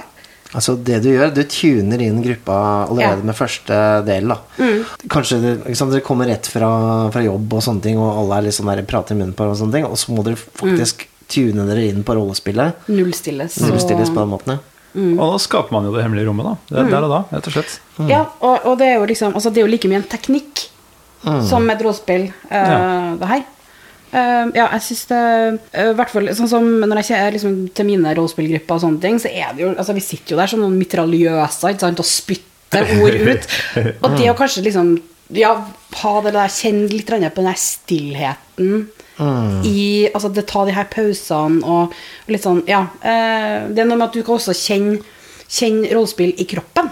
Ja, det, det er sant det der. Altså. Ja. Det, vi, vi, vi har jo litt den derre når vi Sånn som forrige gang vi spilte sammen, faktisk, så, så brukte vi jo en god sånn halv- jeg vet ikke hvor lang tid vi brukte, men en sånn slarvestund hvor vi på en måte, Det tok tid for oss å komme inn i grooven. Man, man er, er jo gjerne liksom meta en stund Ja, før man på en måte faktisk trer inn i rollespillet. Så dette her er vel kanskje en, en, eh, en fin måte å, å Jeg vet ikke hvor, noen, hvor langt det vil ta å spille. Er det noe man kunne brukt på før man spiller, rett og slett? For å liksom Akkurat det der med å telle ned og det, og det å liksom sitte og kjenne på når det kommer er det, Skal jeg si det nå, eller skal jeg sitte og vente på at noen andre sier tallet? Eh, akkurat den er jo veldig fin for å liksom komme ha samme utgangspunkt, da. Eh, vanligvis så sier man jo at det tar 20 minutter før du begynner på en oppgave til du er i flytsonen. Eh, og, og det kan også være litt sånn i rollespill at det tar litt tid før man faktisk kommer inn i det man skal egentlig gjøre. Eh, no, noen grupper bruker jo flere timer på, på å komme dit. Ja, ja. Eh, sånn at ja, jeg tenker at det kan være en fin greie også å starte med. Mm. Ja, kanskje, det. kanskje man skal gjøre det hver gang man spiller rollespill, møtes. At man, Første timen så spiller vi risk-spill. Et eller annet risk-spill. For å liksom ta en liten bit av det inn i rollespillet. Det man skal spille etterpå. Ja, ja. Ja. Jeg tenker at Det kan jo også være litt fint, for det er litt ukomfortabelt også. Eh, og så er det noe med at det som er litt ukomfortabelt Det er jo noe med rollespill og det å være ukomfortabel kan, der, der ligger det mye gull, da. Ja. Eh, ja, sånn at det kan kanskje være en fin øvelse. Jeg, kanskje jeg skal ta med meg på workshopen på Arkon. Kanskje det. kanskje Oi, det. oi. Det kan være gull, og det kan være litt bæsj. Vi får se åssen det lukter når vi slenger det i peisen. Vi se, i peisen med det. Neste vi plukker opp her, da. Der er det Minnefesten, står det her. Minnefesten, ja. På dette manuskriptet. Det er skrevet av Peter Collett. Nei, da se her, og det vakre Og kommer liksom gammeldags stemning når jeg ser på bildene her. Litt sånne typiske illustrasjoner som var i aviser før i tida. Det er Ja, Peter Collett er det som har skrevet dette der, ja. her er jo litt interessant, for at det det er jo ikke noe ved, ved konkurransen eller ingrediensene som skulle tilsi at, at eh, på en måte det skulle komme Altså Arvinger, ditt spill, og Peter Colletts spill, har, de har en beslektskap på mange måter. Ja, ikke sant? Her samles eh, slekta for uh, På grunn av at det er en, en eh, avdød gammel uh, gråkall. Mm. Ish. Altså sånn der man samles, da. Og så skal eh, Ja, jeg, fikk litt samme vibben her, ja. Så det var gøy når jeg også leste spillet her etter å ha skrevet mitt eget Arvinger. At det bare Å ja, her er det noen som har fått litt samme mm, Noen av de samme inspirasjonene, ja. Så det er tydeligvis eh, en eller annen eh, En eller annen energivibb som har gått ut der. Ja, ikke sant? Um det her syns jeg eh, var kanskje litt vanskelig å lese. Sånn eh, å skjønne helt hvordan jeg skulle spille det. Ehm, men jeg likte jo i hvert fall veldig godt at man når som helst kunne ta rollen som gjenferde til, mm. til hva er det han heter for noe? Eh, Johnsen, vet du det? Herr Johnsen. Herr Johnsen, ja. Og, og, og da får en slags sånn eh, Kan styre spillet litt, da. Mm. derfra. Jeg syns det var en veldig kul teknikk. Eh, også litt sånn livete teknikk også, er det ikke det? Uh, ja, ja, helt klart. Jeg, de- eh, eh, når jeg leste gjennom det, så tenkte jeg at det her er jo egentlig to kule rollespill. Eh, for at du har liksom det her eh, Hemmeligheten og det her herr Johnsen og det der. Og så har du det her, eh, hele det her komitéarbeidet. Ja, ja. Altså, Ja, det kunne jo på en måte egentlig- sånt. Ja, ja, Ja. det kunne jo ha vært to, eh, to rollespill, egentlig. Eh, jeg, er jo litt, eh, jeg har jo jobba i akademia og litt sånne ting, så at jeg er litt sånn svak for sånn her komitéarbeid. og jeg kjenner jo på en måte igjen hele ja, det opplegget. Samtidig så fikk jeg litt sånn her Itras by-feeling Ja. på det. Ja, ja. Det her absolutt. kunne ha skjedd i Trasby, liksom. Ja, det, Det kunne fort vært det. Mm. Ja. Ja, ja, og det er, det er noe med mm, på en måte årstallet, holdt jeg på å si. 1927, ja. Ja. Mm. Ja, eller så er det jo også litt sånn Ja, det er jo, det er jo eh, Cthulhu-tida også, på Ja. den måten. Også, men det er jo som du sier, den der vibben med at uh, her sitter vi alle nede og skal gjøre noe alvorlig, men så er det et spøkelse her eh, som også er i rommet. og litt sånne Det er absurd på liksom Ja, på sånn riktig måte. ja, Ja. Ikke sant? Ja, det er absolutt. Og, og det her også øh, veldig flott presentert, da. Det har jeg jo sett tidligere med Peter Collett sine bidrag, både mm. via Botch med gjenferd, og uh, også et øh, eget eventyr han skrev for Vampire and Masquerade, som ligger på nettsida vår. Um, han er veldig god på layout. Og det er fokus på rollen, og det er fint. Sånn, uh, du må på en måte Du må snakke ut fra den du har valgt å være. Når du skal komme med dine argumenter. Hvis du er interessert i bygd og skyting og sånt, nå, så, så må du mm, eh, være, eh, s- ville at det skal være en del av fe- minnefesten også. Ikke sant? Så det likte jeg godt. Og så er det jo det her er også et av de bidragene som har sånn sterk konkurranse. For her er det to vinnere. Mm. Ja. Um, og det er jo på en måte den som får mest av sine anbud inn i budsjettet. Stemmer det? Uh, og så, så da vinner du uh, en del, og så er det den som uh, får lov til å beskrive minnefesten.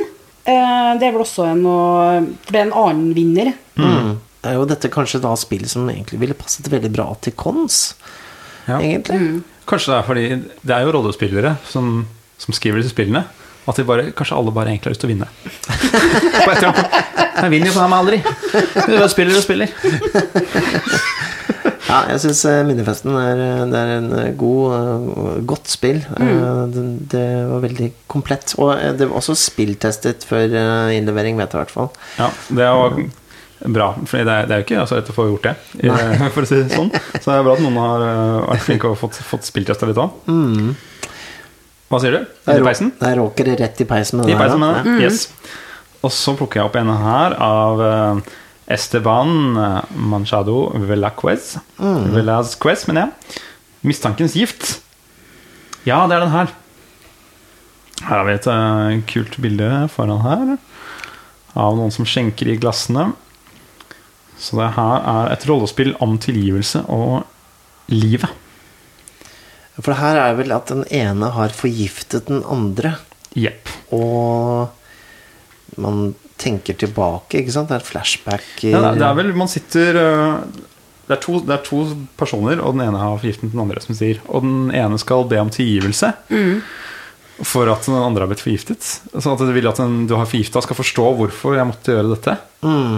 Det er vel egentlig at begge to skal få fram historiene sine. Altså, om, om du er forgifteren eller om du er offeret, så skal du få fram Men det er jo det konkurranseaspektet igjen med at det er et sånn øh, Det er et skjebnetall som skal bestemmes på forhånd, som, ingen, som ikke uh, Ja, det skal gjettes på, er det ikke det? ja, ja, for offeret vet ikke skjebnetallet. For at du setter, forgifteren setter på en måte et tall. Eh, og så i løpet av spillet så, så samler offeret opp poeng, og så på slutten så skal det sammenlignes. Og hvis offeret har høyere poengsum, så Ja, det var det, da. Mm. Men det er jo et det er jo sånn innfløkt, eh, ganske innfløkt system på dette her, fikk jeg inntrykk av. Eh, Men så her er jo et eksempel på et spill som er eh, nesten litt vanskelig å vurdere før man har prøvd det. ja. For det. Så her blir det mer å ta ut et tema og eh, Jeg syns premisset var veldig stilig, da. Det er jo egentlig sånn sett så, så kunne jeg nesten tenke meg at det var et litt sånn Romeo og Julie-tema på det. For der har du den hvor de, de tar gift, ikke sant? Litt den der. Men det er jo på en måte Jeg føler jo veldig at det er en scene i en film det her, og, og en ganske sånn En heavy scene i den filmen, litt uti, hvor det er sånn virkelig Nå har vi møtt Her skjer det. Nå forstår du at jeg har forgiftet deg, altså nå, og nå kommer forklaringen også på hvorfor jeg har gjort det. Ikke sant? det er, så, og så skal man Så man må Det kan bli intenst. Det er, det er sånn eh, potensielt en litt sånn eh, heavy tema, da. Og, og for ikke snakke om et spill for to. Eh, Jeg syns også det er interessant at det er et parspill, men det er også et ganske tungt spill å spille med et, som et par. Jeg tenker sånn, det er jo Jeg har spilt et rollespill for to en gang, og det var jo sånn, bare sånn lobby-dobby-spill. Det heter det mm, Shooting the Moon, tror jeg det heter. Av eh, Emily Care Boss.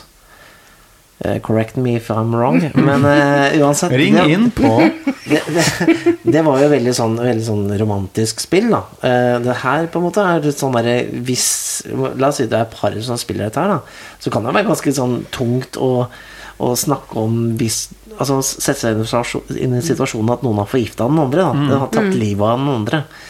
Eh, Altså, det, konsekvensen Du starter liksom med konsekvensen, Ja. og så skal du gå liksom bakover. Eh, men det er jo noe med at altså, um, uh, For begge får jo Altså, offeret får scenen, og forgifteren får scenen.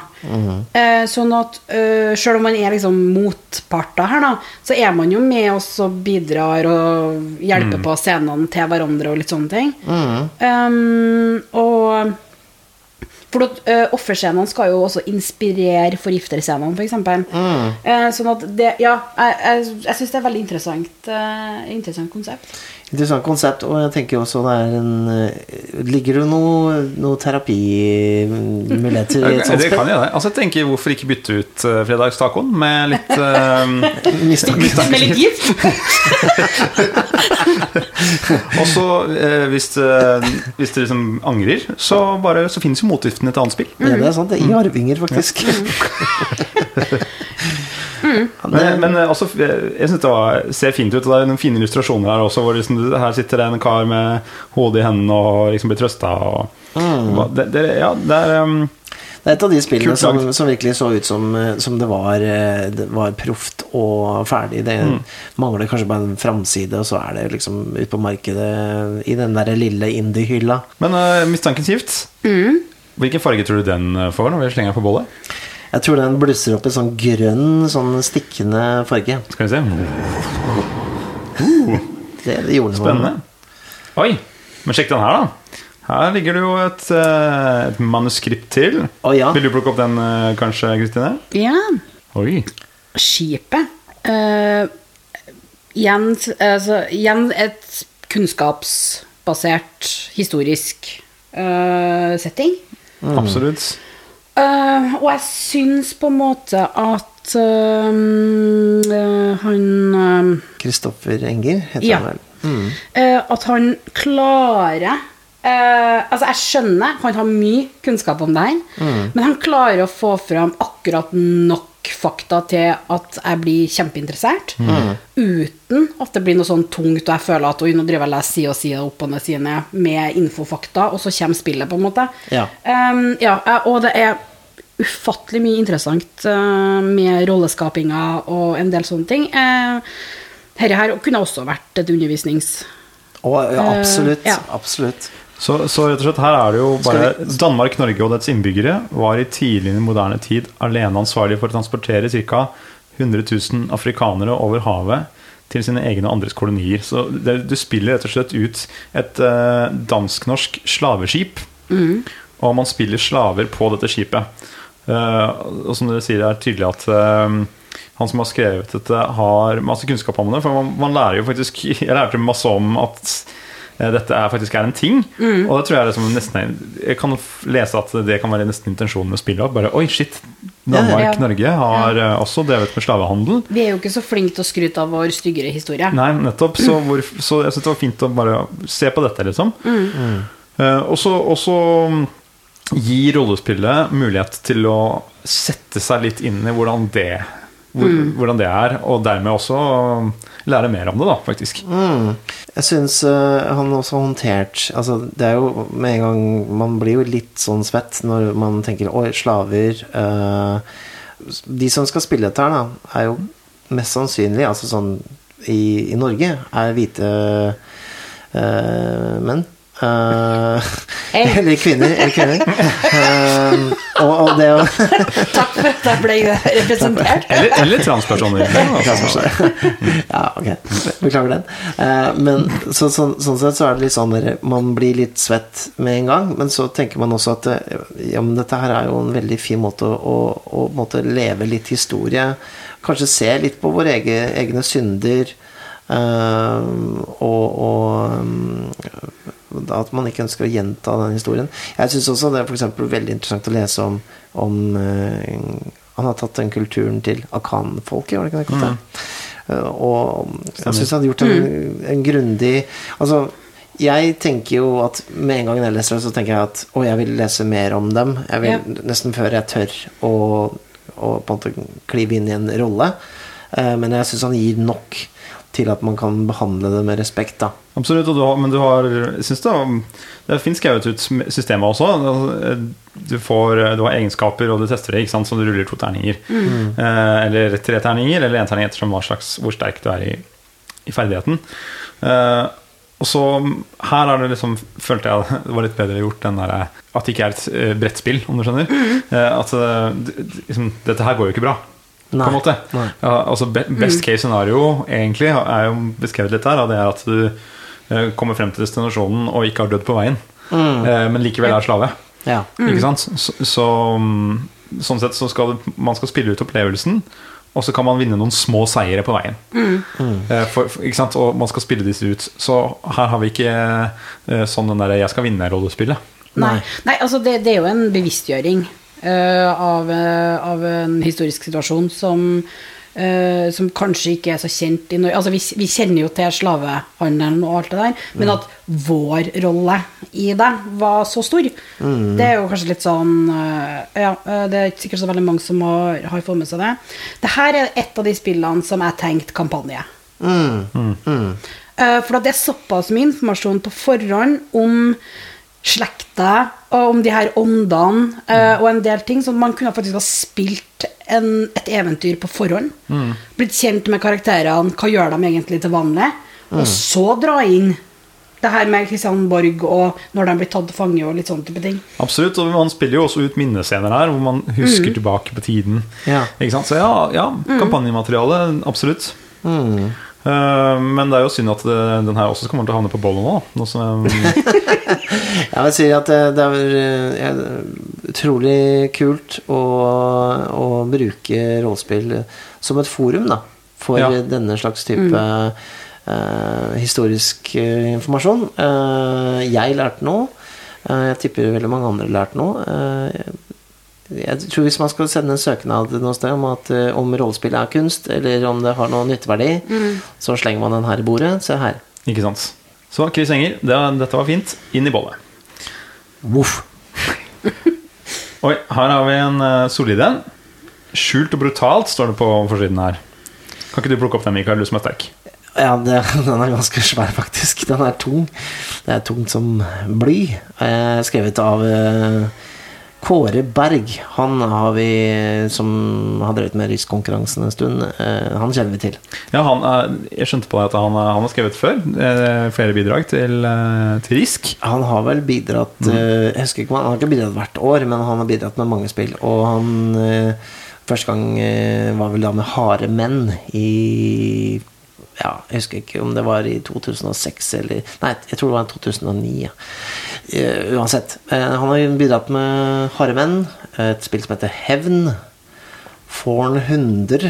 Det var vel til boccia-konkurransen. Han har skrevet eh, Noen ganger ikke han rukket å levert, men han er en Hva skal jeg si, han har en sterk stemme, da. Skrevet mye, da.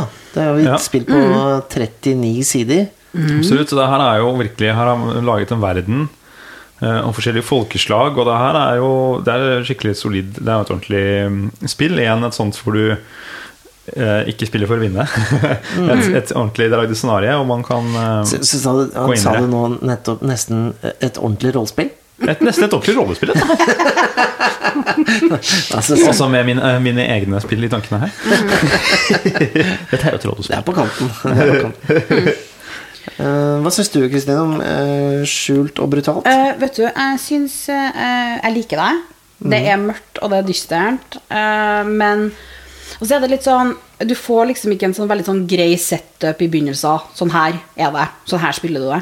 For at det er liksom når du har lest det siste i dokumentet, at du skjønner hva slags type rollespill det her er, og hvordan det skal spilles. og sånn. Altså, Du lærer veldig mens du leser. det. Det, det er veldig sånn poetisk skrevet. Um, et av mine favorittrollespill, um, som Tribe 8, uh, det er også sånn type du, du får høre om verdenen og settinga i en stemme i verden og settinga. Ja. Det er ikke sånn, Du får ikke en sånn faktabolk med sånn her er det faktisk. Men du kan liksom begynne å trekke i noen tråder og begynne å skjønne litt hva, hva er det som på en måte er, er, er verden. Den er liksom ikke satt, men du kan liksom ane den fra språket som beskriver den.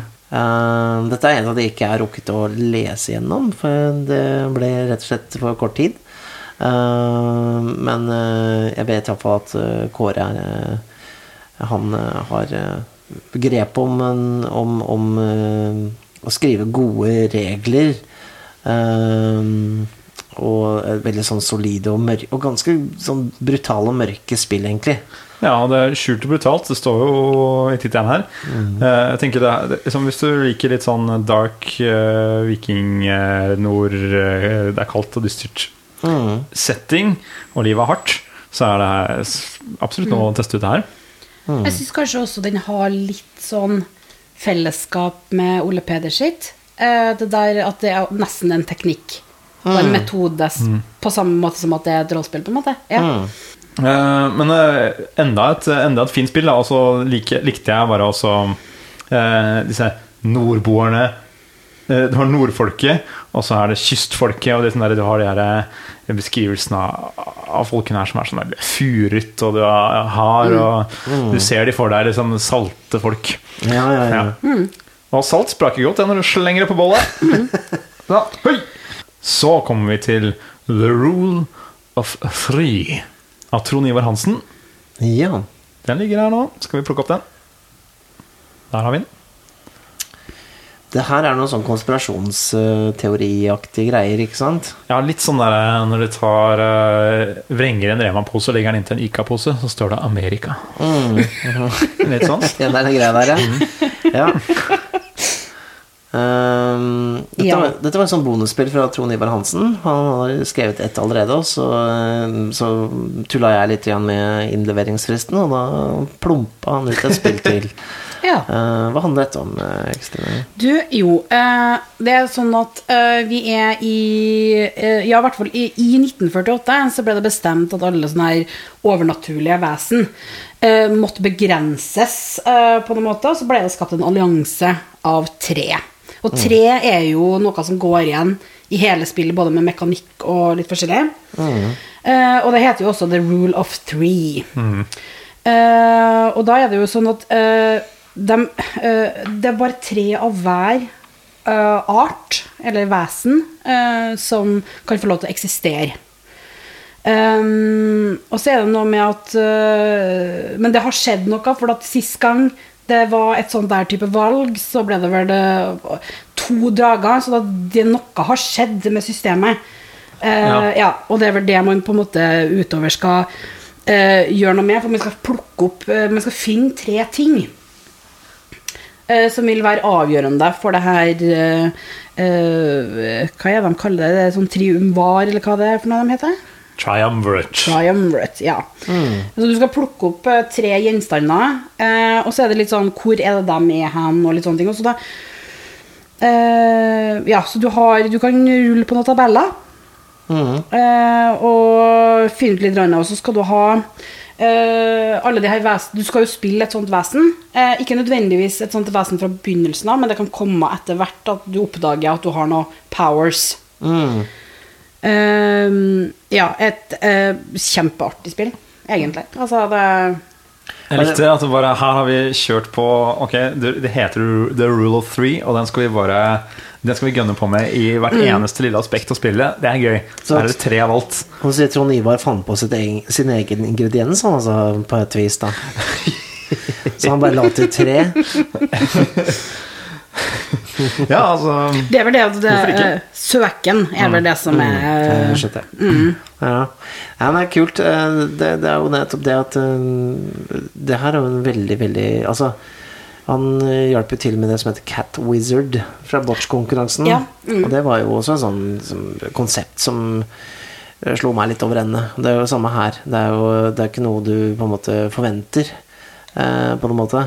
Det er vel eh, Det kastes noen terninger her også. Det er noe eh, tre du skal få da òg, er det ikke det? Hvis du får bare treere, da vet. Ja.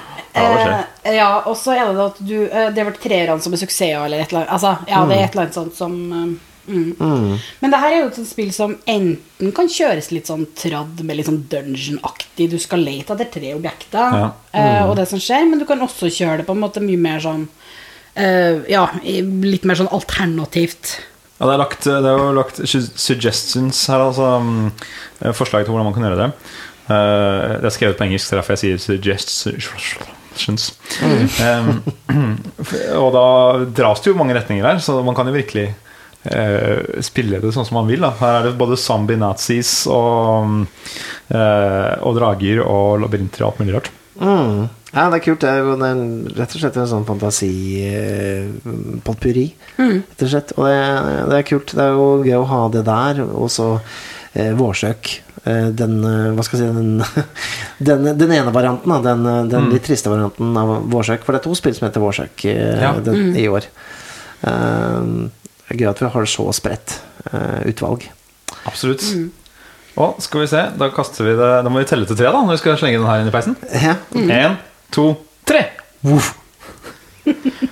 Så nå er det fortsatt en liten bunke her. Vi kan uh, gå på neste her. Det er gøy å fortelle om alle spillene her. Jeg føler at nå sprer vi det gode budskap. Jeg føler veldig Vi, eh, vi altså. misjonerer uh, norsk eh, rollespill, eh, rett og slett.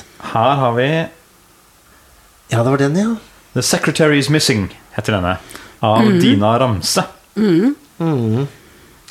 Dina har jo deltatt eh, Jeg tror i hvert fall en eller to ganger før i hvert fall med noen spill. Uh, og hun har også skrevet noen spill uh, ved sida av eh, Risk-konkurransen. Eh, og jeg får inntrykk av at hun jobber som sekretær. Jeg fikk også inntrykk av det I hvert, fall eh, kontor. Uh, ja. Ja. Jeg, jeg vet ikke hvorfor. Det var et eller annet med det spillet her som slo meg at hun muligens Ja. jobber som sekretær. Jeg får jo liksom, jeg får skikkelig sånn The Office The Role-Playing Game uh, ut av det her. Og det er kult. Hun har brukt uh, her da, foto i, som bilder i, i, i dette spillet, og den passer jo så bra. For det er jo får du moderne setting, ikke sant? Moderne bilder. Mm. Det likte jeg godt. Og det er jo ikke, det er jo ikke direkte et tullespill, på en måte. Det er, litt, eller det er jo en tullete situasjon. Altså, det er jo en sekretær som ikke dukker opp på jobben, og øh, dere spiller kontorister som, som sliter med å få dagen til å gå, for Ja, rett og og det ingen som vet hvordan printeren fungerer. Nei. Det er Nei, eller, kaffe, eller kaffemaskinen. Nei. uh, ja. Eh, det er liksom en, altså det er en kjent situasjon eh, satt på kornet, eh, men også morsom og eh, også noe en litt sånn eh, Ja, jeg vet om det er en sammenheng med at det er også den eneste kvinnelige deltakeren på Risky Det er, ja, at det er også en liten sånn bra for sekretærer er, har jo tradisjonelt sett vært kvinner. Mm. Så det er litt Drar du dit hen at det er litt sånn øh, å sette pris på kvinnen også, eller? Er det det du mener? Ja. uh, ja, men altså, ja, men jeg tenker uh, det, uh, Ofte så er det jo eh, Altså, Hvis man sånn snakker tradisjonelt kjønnsmønster da, på rollespill, eh, så har man jo ofte kjent på den der at altså, man redder dama, eller så spiller man den veldig bøse dama. Nå er den viktigste personen på kontoret bort, og hun er ei dame. Eh, og hva skjer da? Ja. Så det er en litt annen eh, kvinneskikkelse man eh, opererer med. Ikke sant? Det er kult, da. Ehm, og så er det vel litt også en, en undervurdert person. Det er jo det som er litt morsomt her. er At, eh, at sekretæren tar dem vel for gitt, da. Og når sekretæren er borte, så ramler hele systemet sammen. Det er, jo, det er jo liksom typisk når man jobber øh, i sånn der type på landskap og miljø, liksom, så er det jo at det merkes jo ikke før personen er borte, den viktige jobben den personen gjør. Nettopp. Ikke sant? Uh, er det ikke sånn at man har glemt å feire Secretary Day? Ja, ja. ja. Det er også Ja. en, en del av greia. Ja, det er, altså, derfor så Det får stadig påminnelser om det. Ja, det er jo Jeg syns det var veldig, veldig kult eh, bidrag, og eh, det viser også en veldig sånn eh, En helt annen rute igjen for, for hva man kan skrive, da. Eh, Det var, du har noe med et system med, med binders her, hvor du drar ut binders. Og så følg, hvis det følger med en binders, når du drar ut av en sånn mm. klump med binders, så skjer det et eller annet. Men jeg husker det må være, det må være binderser fra en ekte sekretær. Helst, ja. Helst. Helst. Så det er viktig, står det her. Men det er jo det, det som er litt gøy med Risk-spill At du, kan eh, Akkurat som med terningtårnet i ditt spill da, At du, kan utforske eh, mekanikker som, som er litt sånn out there da. Altså binders mekanikk Hvem hadde vel trodd det? Eh, og, og eh, ja, og, og så utforsker man det i et eh, spill eh, Rett og slett Som, som ikke tar Det hadde jo kanskje vært dumt å risikere på en måte skrivearbeidet til et 200 siders spill hvis binders hadde vært en veldig viktig del av mekanikken. Eh, Derimot, hvis det er et eh, kortspill som, som det her, så får man på en måte utforska det. Da. Og så er det jo noe med at altså, eh, bindersen, altså kontor altså, Det er noe med at eh, tokensen passer i Ja. settingen. Ja, det tar det virkelig til Og det settingen. her det, det er vel en av dem som er veldig sånn nåtidssetting. Mm. Real, realisme, ja. Eh, men moro, da. Nei, men, men jeg liker, jeg liker godt eh, den derre bruk noe du har mm. Har hjemme for å spille spillet. Eh, sånn, jeg husker jo eh, da jeg kjøpte Dungeons and Dragons første gang. Da jeg var eh, en ung Cal på Hadeland.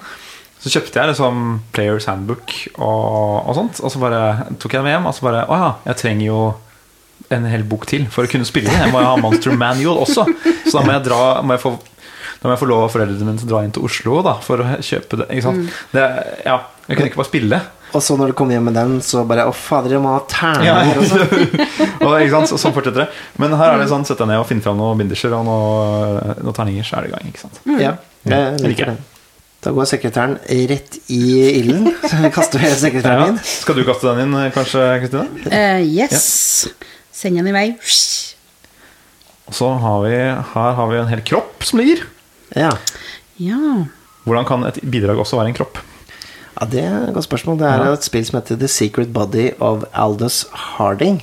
Yes! Uh, og det er vel kanskje det mest surrealistiske spillet. Det her er skrevet av Trond Ivar Hansen. Ja, det er hans andre bidrag. Eller det var det første han leverte inn.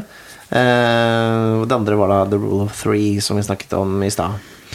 Uh, dette her eh, tar du rollen til de ulike kroppsdelene til den newzealandske popsangeren Aldous Harding, som jeg mistenker at Trond Ivar er en stor fan av. Ja, trodde jeg trodde Aldous Harding var noen han hadde funnet på. Men så fikk jeg jo inntrykk av at jeg, da jeg leste spillet at å, ja, det er en ekte Hvor, person. hvor mange googla Aldous Harding? Ja, ikke- det er en spike. Hun skjønner ikke hvorfor det er så mange i Norge som har drevet og googla henne. Eller han. Aldous, jeg vet ikke hvem det er. Ja. Det er eh, et det, første jeg tenkte på, var eh, Become, Hva heter den filmen? 'Becoming eh, John Malkovich'? Nei. Mm. Being John Being Malkovich. John Malkovich. Malkovich. At du, hvis du går inn i et spesielt, eh, en spesiell gang eller rom, så kan du være John Malkovich for en stund. Det er litt, eh, litt sånn i samme land. Altså, det er jo enda mer absurd at du er da eh, Aldous Harding, som er en relativt hun er ikke så veldig kjent. Hun er veldig sånn indie-musiker som er kjent i visse kretser. Sånn øy, øya-kretser. Eh, det, det smaker veldig av litt sånn, sånn alter, alternative miljø uh, Platesamler-greie. Jeg syns det er kult. Uh, Jeg liker jo veldig godt de andre, da han foreslår at du kan spille. da. ja, man kan Ja. eh, Eh, spille og og, da- og han, han presiserer jo at det er singer-songwriters, men nevner jo Janet Jackson og Kelis og Inkludert med Johnny Mitchell og en del sånn. Så det, det er sånn ganske bredt hvilken musiker du egentlig kan velge. Ja, det er, kanskje, er det kanskje meningen at du skal spille kroppsdelene til en musiker du kjenner til? Eller? Ja, det, er kanskje, det tror jeg er fint. Og da spiller man, altså én spiller spiller da på en måte øh, denne kroppens sanser og, og eh, tanker, og så er det en som er eh, en hjernehalvdel, noen som er armer og bein, og noen som på en måte er em, fordøyelsessystemet. og, og the respiratory system, som da er der pusteorganene, liksom. Og så må man samarbeide altså Disse kroppsdelene som man da spiller rundt bordet, må samarbeide om å få til ting. For eksempel, du skal synge, ikke sant? Og da må du bruke hjernen for å lage teksten i hodet, og så må du bruke eh, Lunge for å- lungene for, å- for å få det ut, ikke sant? Og så kan du feile, da. Det, det er litt sånn spredt, men det spillet i Risk som dette minner meg mest om, er faktisk et spill som het Sex. Av eh, Martin Bull Gudmundsen, som- hvor man skulle samarbeide med forskjellige sånne eh, Altså det var liksom sånn, nesten litt for mye av det gode. eh, Sånn innfløkt, hvor ting måtte liksom stemme overens. Du måtte ha lyst for å kunne ah, Ja, men prestere. Sex er jo innfløkt, så det skjønner jo at systemet må bygge opp under det. Ja, det gjør det. Og sånn sett så var det jo sånn, et veldig sånn komplisert system for å styre kroppen til Aldous Harding. Eh, Men utrolig artig. ja, veldig stilig. Det er sånn eh, det, det, det er nesten en sånn Lurer på prosessen til Trond Ivar her. Har han på en måte Hva har han på en måte kommet på med først? Han må jo ha hatt en sånn behov for å lage et spill hvor du styrer kroppen til Alice Harding, og så bare jobba derfra. For det er jo ikke lett å lage et spill som, hvor man gjør det, da. Mm. Jeg tenker at det, det er et spill som kanskje mer vekter på Altså ø, mekanikken eh, enn kanskje storytelling. Eh, fordi at uh, du skal jo rulle på noen tabeller og litt sånne ting for resultatet i forhold til om du får suksess eller ikke. Og da er det jo sånne helt enkle ting som at du kanskje skal kjøre bil. Eller, altså Noen av scenarioene var jo at biler brøyt ned, og så må du komme deg til konsertlokalet. Ja, ja, altså, ja, en del sånne ting da Sånn at helt vanlige ting som vi gjør uh, blir plutselig, Du blir plutselig klar da over at faktisk kroppen din er jo faktisk et avansert system, Mm. og ting skal henge sammen for at uh, du skal få det til. Enda en, eh, apropos um, uh, Ole Peder Gjæver sitt uh, spill, med, med en fin øvelse for å spille andre spill igjen, så er det den derre Du må samarbeide. Liksom, kroppen er jo en enhet. Eh, og det er ikke så ofte kanskje man husker på det når man spiller andre spill. Altså, vi, vi er en enhet som sitter rundt bordet her. Vi, må, vi skal oppnå noe. ikke sant? Så her må man spille på lag. Men så har man veldig tydelig sin egen agenda. agenda. Jeg er magen. Jeg vil ha mat. Jeg skal bare ha mat, jeg. Det er det eneste jeg egentlig er gira på. Men tydeligvis må jeg samarbeide med dere andre for å bringe meg til maten. Så da må jeg prøve å overbevise om at det er viktig. da Men det kan jo gå riktig ille da for Aldous med, med liksom hvis eh, respiratory system svikter og Ja. altså, magen og alt sammen. Ja, Respiratory System kunne ikke komme til spillingen i dag. Så eh, ja, det, det er et veldig stilig eh, formeksperiment, og det, det er jo et spill som kanskje vil vise seg om det fungerer når man faktisk spiller det, og hvor, hvor eh, gøy det er. Jeg tenker det er et kult spill for folk som er litt sånn eh, litt regelnerder, og, og, og liker litt sånne, sånne type Liker system, da. Eh, for at, ja, som du sier, storyen er ikke Den blir antakeligvis ikke så veldig komplisert. Du kan ikke spille en stort drama med de hvor, hvor man bare styrer kroppsdelene, kanskje. Men merkelig og gøy, rett og slett. Merkelig og gøy, ja. Og, og kunne kanskje ha blitt en ganske artig drikkeleik Uh, ja, det kunne. Det, det jeg tenker på, er liksom Det hadde vært funny hvis eh, Aldous Harding fikk vite at noen har lagd et rollespill om å styre kroppsdelen hennes. Vil hun da bli fornærma, eller vil hun bli smigra? Det er det jeg lurer på. Eller hun blir bare weirda ut. Jeg er sikkert opptatt, da. Men La, altså, ting. la oss finne det ut, tenker jeg. Eh, Kristine, skal du um, ta, gjøre, gjøre ære på bålet med denne? Mm, ja, det kan jeg, vet Mm. Det, Det, dårligste bållyden jeg har lagd. Det var, det var en alternativ lyd. Til et alternativt spill. All right. Eh, det ligger tre manuskripter til her. Skal vi kikke på de? Yes. Vinter. Vinter, ja. Det er vel andre bidraget fra fra Kristoffer Chris Enger. eh, Kristoffer Enger. Ja, Han heter vel Kristoffer de Vries? Vries Ja, eh, ja, de Vries, mest sannsynlig. Ja. Men han har iallfall klart å produsere to lange spill. Eh, Det må se er godt gjort på så kort tid. Det er veldig godt gjort. Eh, Men det begge er jo veldig innafor for eh, ingrediensene og sånne ting, så han har sikkert sittet og skrevet som en gærning. Må ha gjort det. Men Her er greia at det er, det er en verden hvor det er evig vinter. Eh, og eh, man har tydd til eh, å, å gå under jorden. Menneskeheten har gått under jorden for å være nær eh, varme kilder og sånt. Og så skal man spille ut en event i disse menneskenes eh, liv som skjer ganske sjelden. Og det er et blot hvor man skal finne den beste blant flokken som skal gå ut og møte vinteren uh, som et offer, og for å overbevise om at vinteren om at du må slippe tak og la våren komme. Mm. Jeg var litt bekymra for at folk ikke skulle velge vår som ingrediens. Kanskje litt Ja. sånn litt, litt kjedelig, mm, bare vår. Og tanken var at man kunne velge vår som i årstiden. og så vår ting, eller altså eiesammensetningen. Uh, men, uh, men her har vi da altså vår som en potensiell ting som de ønsker seg da, skal komme. Mm. Det er en sentral ingrediens. Det er jo Alle ønsker seg at våren skal komme.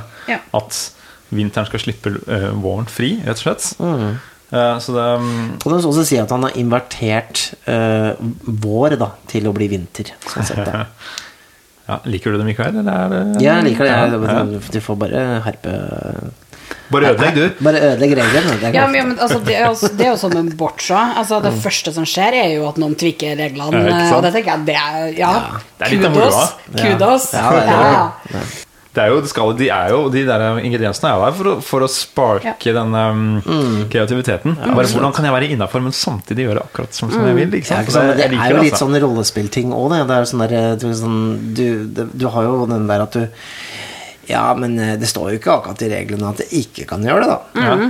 Det er jo litt den der. Ja. Teste eh, spillederen litt igjen og se hvor grensa går. Ja, ja, den, jeg føler at jeg gjør det mye når jeg spiller Dungeons and Dragons. Spiller en rogue der. Jeg, jeg prøver alltid å overbevise spillerne om at han er nok overrasket, han jeg Han, han føler seg nok litt overrasket, han jeg angriper nå, gjør han ikke det? Ja. Jeg er vel strengt tatt bak han nå, Ja. så jeg får vel kanskje en sneak attack. Jeg gjør vel egentlig det. Så da får jeg noen ekstra terninger. Ja. Ja, da. Og det, det ligger nok i rollespillernes uh, nerver, tenker jeg. Jeg så noen kommentarer på dette her, at det her var litt sånn fabelprosa. Det var, litt, Mm. det var ikke direkte fantasy i den amerikanske, engelske tradisjonen. Det er mer norsk eh, følelse over det. Ja, Eh, ja for at det, altså det der med at menneskene har gått under jorda og sånn, altså det er jo litt sånn postapokalyptisk, mm. så det er litt sånn sci-fi. Men så, men så er det noen veldig litt sånn fantasy-grep. Det her helte eh, For at eh, hver rolle spiller en helt fra sin stamme, som konkurrerer. eh, og da om å bli på en måte den som skal sendes ut. Oi, fader, unnskyld. Konkurrer konkurrerer. Eh, ja, uh, konkurrere og jo, og det å vinne og det å skal da gå ut eh, eh, og møte våren, som da mest sannsynlig er et, eh, en dødsdom. Jeg tror det. Ja.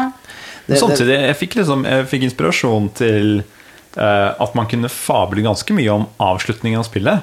At hva er egentlig denne vinteren? Er vinteren hele vår sivilisasjon? Og så er Ikke sant? kanskje ikke er noen vinter der ute i det Ja, hele tatt. ikke kanskje- ja, Kanskje det har vært så lenge nede at det faktisk er vår der oppe.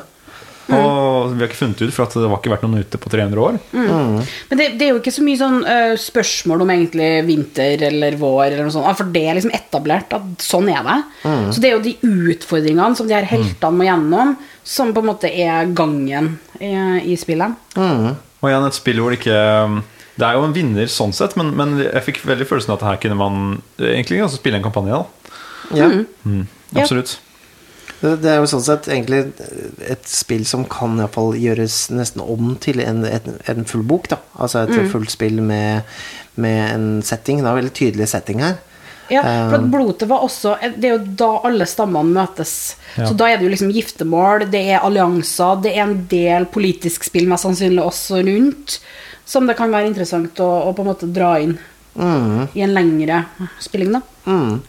Jeg er dypt imponert over hvor mye Chris har klart å produsere til konkurransen. Dette her er sånn eh, et spill som eh, ja, jeg tror det er fint også kanskje som, sikkert, Han følte vel sikkert for å ha litt motvekt til det veldig historiske eh, skipet. da Og gjøre noe som var mer en fantasi Uh, eh, Et fantasispill. Ja, og det er bare, igjen, bare Det her ligger i folk, og her kommer det ut og blir delt og, og lager nye gnister som man eh, spiller videre på. Det er jo så gøy. Mm. Synd at det havner rett på bollet. jeg, jeg skal synd. Her har vi Vårsøk. Enda et Vårsøk-spill. Ja. Men dette heter ikke Vårsøk. Dette heter Vårsøk. Historier om feiring, giftermål og hemmeligheter. Og her har vi alle ingrediensene i tittelen. Alt er i tittelen, og uh, alt har vært dytta inn i, i et veldig underfundig spill. Hvor man spiller feer eller alver. Mm. Og der er det Simen Stangeland som har eh, skrevet dette spillet her. Uh, ja, man spiller feer, ja. Så jeg avbrøt deg. Ja, Bare det, for å få inn. det, er greit, det. Uh, og det er et slags Nei, vi spil, de spiller med alver. Det er alver. Ja. For Ok. fea er også i verdenen. Stemmer, men de ligner veldig Ja, på alvene. Det Ja, er der sånn man ikke sant? Man kan, man kan bli forvirra der, skjønner du. Eh, og dette er et slags sånn eh, Han forklarer det sjøl som et sånn icebreaker-spill. Det er ment å være et sånn festspill eh, for åtte personer. Fra, fra minst åtte personer, så er det det står? Er det så mange? Ja, åtte personer, ja. Og Mhm. Minimum, er- minimum åtte personer. Minimum så det er, det er et festspill, rett og slett, så, hvor man uh, Man eh, møtes, og kanskje, ja, kanskje det er en fest, og så tenker man at ok, men nå skal vi mingle litt, nå skal vi mm, bli kjent med hverandre og bryte opp litt i en ellers um, vanlig setting. Og det syns jeg er kult. Det, det har jeg hatt lyst til å gjøre mange ganger. Jeg har hatt bursdagsfest eller noe sånt. Altså, Man har en liten sånn event som skjer, og noen har en hemmelighet. Spesielt, Ikke sant? ja, spesielt når det er ikke så veldig mange som kjenner hverandre. For at, igjen så er det jo den her litt sånn meta bli kjent, for at hele poenget er å finne en partner. Og så skal alle sammen ha en hemmelighet, men det er de, dem som vinner, på en måte, er vel dem som har hemmeligheter som passer best sammen. Nettopp. Ja. eh, ja. Sånn at det, det er jo eh, For det, for det forsto ikke jeg helt. For det var at man skal ha en hemmelighet, og så Var det den man passa best sammen med, ja? Riktig, for jeg tror jeg leste Du har hemmeligheter som matcher, Ja, men, Som kan godt gå i, godt fint sammen. og da kan man gifte seg. ja, for det er jo det, det, det, det som er hele Altså, da vinner man spillet hvis man har hemmeligheter som passer. Men, men, men hvordan vet man at de passer? Er det, står Det det er det storalven som er med å bestemme. Ah, Så så da, hvis man tror at, tenker at man har noe som matcher, så går man til storalven. Man skal vel, det er litt sånn følelsen av at man skal gå ut av et rom, for at andre skal ikke høre. Ja, du man går litt rundt i huset, ikke sant? For du har lyst til å, du, du kan prøve å finne hemmeligheten til noen andre ved å stille noen spørsmål under noen sånne kriterier. Eh, og hvis man da på en måte har kommet ganske nærme, så kan man gå da til storalven og si hemmelighetene sine, og så kan, er det vel storalven som sier noe om at dere passer veldig bra sammen. Yes. Hvis jeg kan sammenligne med noe annet vi har, har fått i Risk, så kanskje Så minner det kanskje litt om Det var ikke meg. Som er et sånn eh, mordspill hvor man eh, kan gå litt rundt, da. Jeg tenker det er litt det samme her, at det blir et sånn eh, neste et eh, megagame, hvis dere kjenner til det konseptet. At man er mange folk på et sted, spiller et brettspill sammen, men at det er et stort lokale. Kan være opptil 100 stykker som spiller. Åtte minst her, da. Men, mm. men at det blir en sånn ja, mingleting, da. Eh, Enda mer fokus på kanskje det faktisk å mingle her, da, enn eh, enn, eh, i mange andre spill. Absolutt. Så, så det, er jo, det er jo Og det er jo et spill som går Det går meta på på en måte eh, den, hele settingen. Altså, man, som man fysisk er i når man er der. Og så har du også til og med fått inn noen sånne metaelementer med hvor du kan gå Hvor han skrevet inn at du kan gå inn eh, på nettsiden og kjøpe vårsøk-merch. Vårsøk-bok og vårsøk-terninger og T-skjorter og alt mulig rart. Nå kjenner vi jo Simen litt, Igjen, da. Ja, er han med til hans mester, Mikael? Mulig. Men jeg skjønner ikke helt. Er det, er det, er det fordi det er liksom World of Darkness-parodi her? At det er liksom changeling, eh, og at det liksom de mercher opp hele tida? Jeg, jeg tenker eh, at eh, her er en god mulighet for å tjene litt ekstra spenn. Ja. Når du først leverer inn et riskspill. Mm. har sikkert, sikkert uh, registrert domene Varsak Varsok uh, på dette. Ja, men det er jo også spill som jeg tror på en måte man må spille for å, å måte skjønne hvordan det går, uh, litt grann. Men jeg, jeg syns det virker veldig Og driver og tar opp det. Tar opp litt utapå her, ja. ja, ja. Nei, Eh, det, Det er, og I annen etasje på vertshuset her Så er det noen som driver slåss. eh, som vi ble distrahert av nå. Men det, ikke bry dere om det. De, eh, de har sin egen greie gående. Ja, alt i alt et eh, veldig veldig sjarmerende spill. Og, og eh, jeg vil gjerne Siden vi kjenner Simen, så tenker jeg vi skal få han til å sette det opp for oss. Ja, og mingle litt med folk. Absolutt. Og godt med Jeg likte litt sånn derre eh, å ta alver tilbake til den derre At alver er de små med vinger på ryggen. Ja. Syns jeg var gøy. Jeg, jeg fikk jo veldig sånn Elf Elfquest-feeling liksom med en gang. Så det, åh, ja. Mm. Skulle kanskje vært deilig med noen sånne, sånne søte illustrasjoner det spillet, faktisk. Det hadde vært fint. Det hadde gjort Og så seg. kan man jo si at det her er jo et av de spillene som på en måte kanskje har litt sånn romantikk som tema. Ja, Det er sant. ja absolutt. Du kan sikkert ha romantikk i Aldes uh, Harding-spillet også, hvis du vil, men jeg tror det blir litt, uh, litt kleint. At beina har lyst til å inngå et kjærlighetsforhold med, med lungene. Ikke, sn- ikke snakk om tarmen. Nei, la oss ikke, ta, ikke gå ned den veien. Men eh, ja Artig spill og tre sider, tight, uh, tight og fint. Så å gå i risk og ånden, sånn som jeg har forstått den, i hvert fall. Eh, og på bålet går den. Nei, skal jeg få ikke det er, Vent, da. Det, og, det her er jo alva. det burde jo være litt Ja. sånn eh, englestøv eller eh,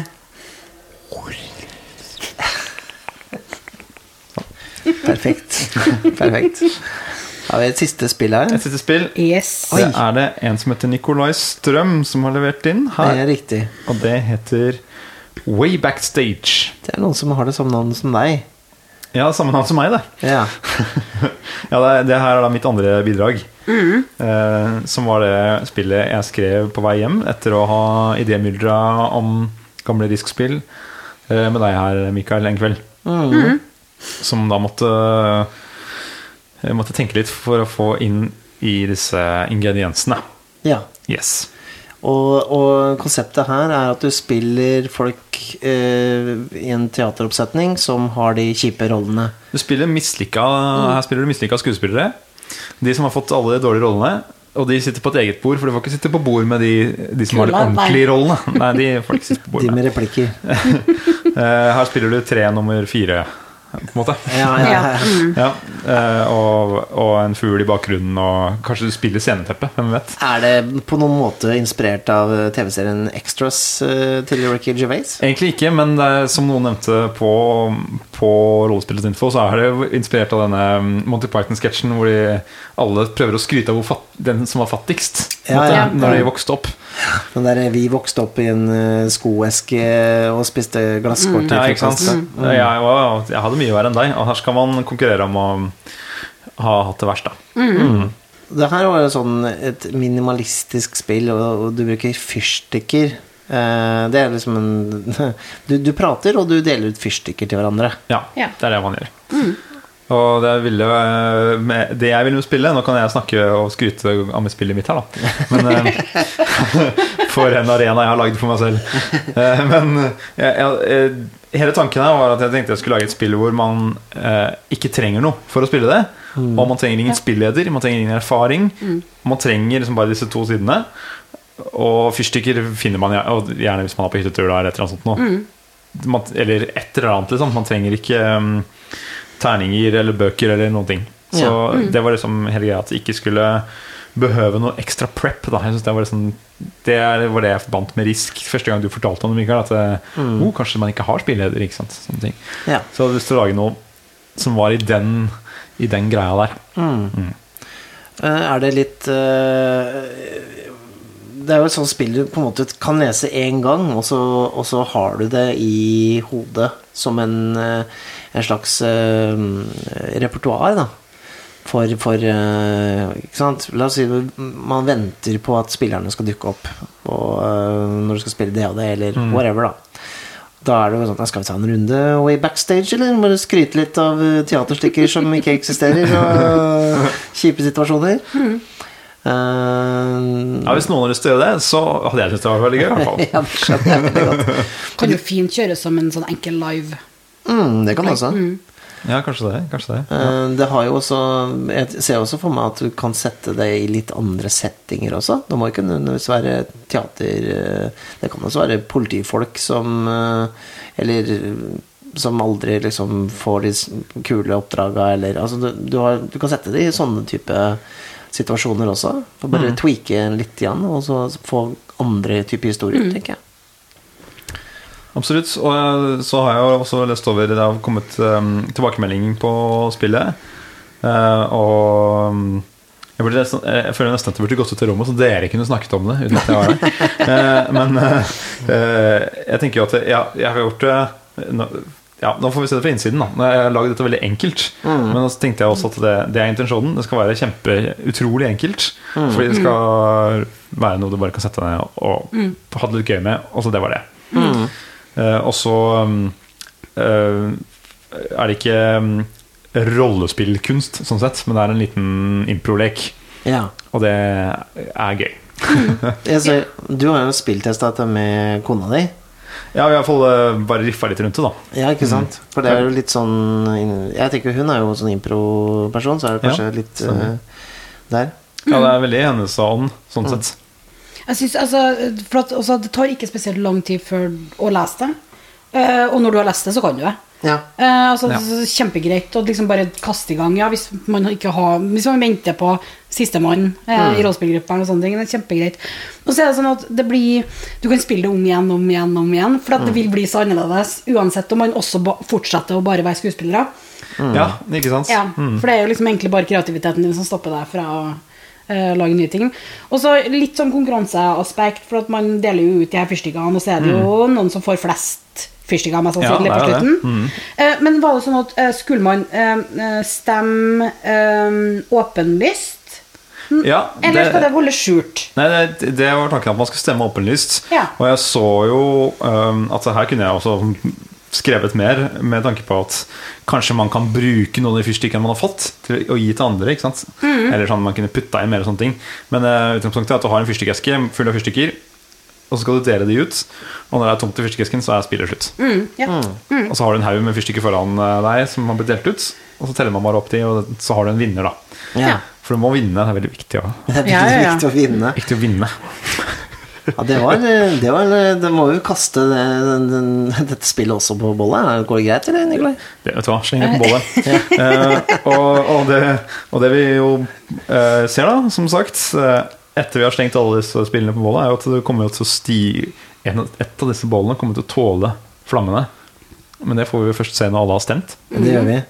Ja, det er litt spennende der. Altså, jeg håper jo at vi får inn eh, masse stemmer. Eh, Jeg vet jo at det er tungt å lese så mye rollespill. Det er jo ikke alt jeg har rukket å lese gjennom heller, så jeg, jeg, under denne sendingen her så har jeg eh, vi riffa litt rundt på de spillene vi, vi har lest mest på, da. Mm. Støtta oss litt på hverandre her.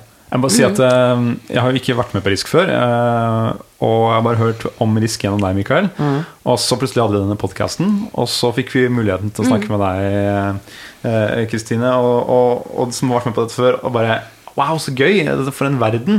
Og så Ja. fikk vi plutselig muligheten til å, å være med og skrive og sånt. Og, Og så er det ikke så skummelt som man tror. nei, og det var en veldig morsom øvelse. Og jeg tror alle som har sendt inn, jeg, det føler jeg at jeg nesten vet, har hatt det veldig gøy med, med det her. Ja, det har jo vært litt aktivitet på Facebook-gruppa underveis. Hvor man har på en måte liksom kasta ut Ja, det her er tittelen min. Ja, eh, ja. Og så liksom fått litt sånn feedback og, og sånne ting. Ja, ja, ja. Jeg syns uh, det som alltid har vært motivasjonen min Jeg husker jo det at vi Da vi starta Risk i sin tid, så var det litt sånn derre eh, da, da begynte på en måte den derre Da hadde akkurat Draug kommet ut, blant annet, og det var liksom eh, Det skjedde en del i det skjedde en del, ja. men det var liksom ikke noe sånn Det var ikke sånn at alle heiv seg på. Altså var det litt sånn Jeg tror det bare Det ble et behov da, for å ha et eller annet som vi kunne på en måte produsere litt eh, smått med. Og eh, du har jo sett at Vandrerne, for eksempel, er jo et, eh, var jo opprinnelig et Risk-spill, for eksempel. Som nå er et uh, helt eh, rollespill. Et, Som er jo som er det, utgitt. det norske rollespillet der ute nå som, egentlig, som er mest tilgjengelig, da. Mm. Um, og, og Inntil vi synker, som vi har nevnt et par ganger, er jo et spill som har vandra rundt omkring i verden og blitt oversatt til mange språk. Det var ikke meg, jeg har også fått en del oversettelser. Eh, og det har kommet en del sånn ut fra andre spill også, som, som har blitt spredd rundt. da um, Så det er jo Ja. Uh, jeg, jeg håper jo at eh, de som har bidratt med spill i år, iallfall en del av de som har kanskje de mest større spillene, at de videreutvikler dem etterpå. Ikke lar de bare Lar det bare bli en øvelse, men kanskje også ser Nei, her ligger det kanskje noe Kanskje jeg skal bli enda mer ferdig med det. Det er jo ikke sånn at når du har sluppet det, at det er Nei. nødvendigvis det ferdige produktet. Nei, nettopp. Det er mange kimer til noe, og jeg tenker jo nå har vi slengt alle Risk-spillene på bålet. Kanskje det skapes noen gnister som blir til en ild som aldri slukkes. Og det var veldig, Nei, det var ikke. Nei.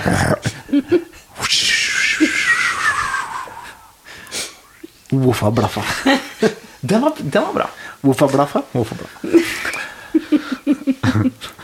um, da har vi jo eh, preiket om disse spillene en god del. Ehm, Vi skal vel kanskje ta en uh, lite spørsmål fra uh, Facebook eller uh, lignende, skal vi ikke det? Ja, det er denne gruppa, da, som heter rollespill.info på Facebook. Og da var det Jeg bare så Jeg, jeg scrolla gjennom her før vi skulle ha denne sendingen. Og så så jeg bare Det var ikke et spørsmål, sånn sett, men jeg bare så at en som heter Tore Oien han eh, har skrevet at i påsken kjører vi tre dager på rad med rollespill for etablerte grupper på asylet på Grønland. Uh, og så bare fikk jeg en sånn herre ah, Ja, påskespilling! Det er en ting, er det ikke det? Altså det endelig er det en høytid. Uh, man drar hjem, kanskje, treffer noen gamle kompiser. Og så kanskje man er det, er det kanskje mange som har noen sånne holiday settings? Har du vært borti det nå, Kristine? Uh, ja, altså eh, påske er jo en litt sånn Når folk eh, Vi bor jo på forskjellige kanter av landet, vennegjengen, og, og det å komme hjem etter påske, eller til jul, eh, og få da spilt litt uh, god, gammel rollespill, det er jo veldig bra. Jeg laga et um, julescenario til Couture Dark i fjor. Som jeg har kjørt, og som jeg tar med meg på Arkon. Som er liksom hva er, altså, familie kan være et helvete i jula. Og det gjør det virkelig i det eventyret. Men har de, tent har de tentakler? Eh, Det er godt mulig at det er noen tentakler. Mikael spiller ingen rollespill hvis det ikke er er tentakler. Ja, det, ja, ikke sant. Det- Jeg tenker jo sånn som med påsken, da. Så har vi jo nevnt Arvinger, som er spillet ditt, til Risk. Det er jo en sånn For meg så lukta det veldig påske med krim og den slags. Og Inntil vi synker er jo også et sånt spill hvor, eh, som passer ekstremt bra til påske. Der skal man jo egentlig eh, finne fram til en drapsmann eh, i løpet av spillet. Og det er usikkert hvem av spillerne som er drapsmannen eller kvinnen. Og du har eh, Ja, hva heter det spillet igjen, da? Eh, Det er også et annet sånn type sånn mm, indiespill som heter Murder Å, jeg nevnte det før òg, vet du. Det er det som er. Men nå skal jeg komme på det. Det finnes en del krimspill der ute, da, med andre ord. Jeg tror det passer veldig bra. Og det å mane fram sin egen uh, krimhistorie istedenfor å sitte foran kassa og ta det til seg, det tror jeg Det bør være målet til, uh, til dere som lytter på. Uh, Spill rollespill istedenfor å se på påskekrimmen. Jeg syns det er veldig gøy hvordan påske og krim har blitt en sånn derre Det henger sammen. Jeg tenker sånn om 2000 år, når de graver frem eh, levningene etter vår tid, så er det sånn herre Ja, de feiret noe som het påske, hvor det var en som het Poirot, som de tilbe, tilbe ba. Og, de, og barter og krim var det som skjedde hver påske, og Jo Nesbø var en sentral rolle. Ja, jeg er aner ikke hvordan det den dukka opp. Men eh, det må jo ha vært noe så gammelt NRK-greie, at de sendte krim på radio eller noe sånt. Kanskje det. Det må være et eller annet der. Det er jo litt krim i, Bibelen òg, med Judas og sånn. Ja da. Ja. så jeg, jeg tror jeg også det har litt med, med TV å gjøre. Fordi Mm. det er noe med at det, alle de her krimmene er stort sett miniserier. Mm. Sånn at det er noe med at du har en avkorta periode Ja. via eh, tidsbruk på fire-fem episoder, og det er liksom påska. Mm. Eh, tror også det har, kan ha litt med det å gjøre. Det passer jo, da. Familien er samla, så kan man Ja. eh, gå inn i den. Men er det da altså en Det var en veldig fin sånn eh, digresjon, holdt jeg på å si, til faktisk er det, Kan det være en idé, da, når man drar hjem til påsken, å spille en minikampanje på noen dager? Plukke opp et riskspill, kanskje? Eh, Plukke opp Ja, spill? ja, absolutt. Eh, Det er jo ofte sånn at eh, man spiller kampanjer for lenge. Det har jo vi erfart. Kanskje Ja. man skal ta Hvis man klarer å møtes tre ganger da, i løpet av påsken, spille tre scenarioer som er superteite supertighte og ender opp i en stor finale hvor ja, halvparten dør, halvparten overlever, eller et eller annet. Det er en god idé, da. Jeg har kjørt, jeg har kjørt noen sommerkampanjer eh, med liksom maks tre spillinger. Eh, for at tre spillinger klarer vi å møtes i løpet av de ukene. Eh, og så er det liksom historien er mest sannsynlig avsluttende, men det går an å ta det opp igjen senere hvis man har lyst til det, liksom. Det kan være en fin øvelse å bruke det her, som du sier, jul, sommer, Ja. påske, sånne ting. Bare bruke det som nesten um, som en øvelse på å avslutte kampanjer. Bare den der, det er jo, som du sa, Mikael, også, eh, mange som eh, kanskje sliter med det. Bare, Det varer og varer, og man finner ikke helt ut hvor stopper det. Man, får, man kanskje sliter med å finne høydepunktet og så avslutningen på historiene. Ja, Det er jo ofte det at man spiller til man blir lei av et spill, og Ja. så dabler det av, og så plukker man opp noe annet. Noen ganger så er jo det også intensjonen, men hvis, man, hvis det er et problem, da, så kan man i hvert fall fint å bare Ok, nå bruker jeg denne sommeren, jula, påsken som en øvelse på på, den, eh, på andre påskedag. Så er det slutt. Det er slutten på historien. Jeg tenker at det er også enklere i vår travle hverdag å faktisk si ok, ja, men det er tre spillinger i denne kampanjen. Eh, men det får jeg til. Det kan jeg love at jeg kan dukke opp på. Mens hvis du på en måte å, ja, det blir en kampanje, en lang kampanje, så vet du jo ikke liksom eh, Det er vanskelig å få mange spillere i sin travle hverdag til å møtes fast. Ja, ja, ja. Og så blir det noen som havner litt utfor, og så kommer de aldri helt tilbake igjen. Og sånn. Mm. Det Uff da. Jeg klipper bort den. Eller ikke. Ja, men det var gode tips, eh, føler jeg. Uh, hvis jeg kan skryte av egne tips, så um, Har vi tid til noe mer, eller skal vi si det Jeg syns vi har jo tid til én ting til. For nå er vi jo nede her i denne dype kjelleren. Det brenner godt på bålet etter alle spillene vi har slengt bortpå der. Riktig, riktig. Kanskje vi skal åpne døren og se hva som er ukens monster.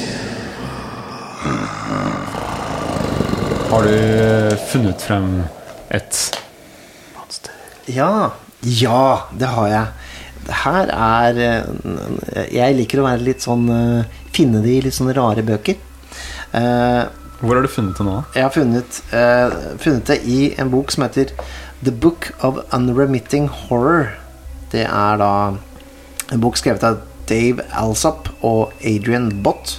Altså The Book of Unremitting Horror Det høres ut som noe du, har, du fant en gang du gikk deg bort i skogen. Og fant en sånn bort i en hytte. Og i en skrivebordsskuff der, der lå denne boka. Det er ikke så langt fra sannheten. Mhm.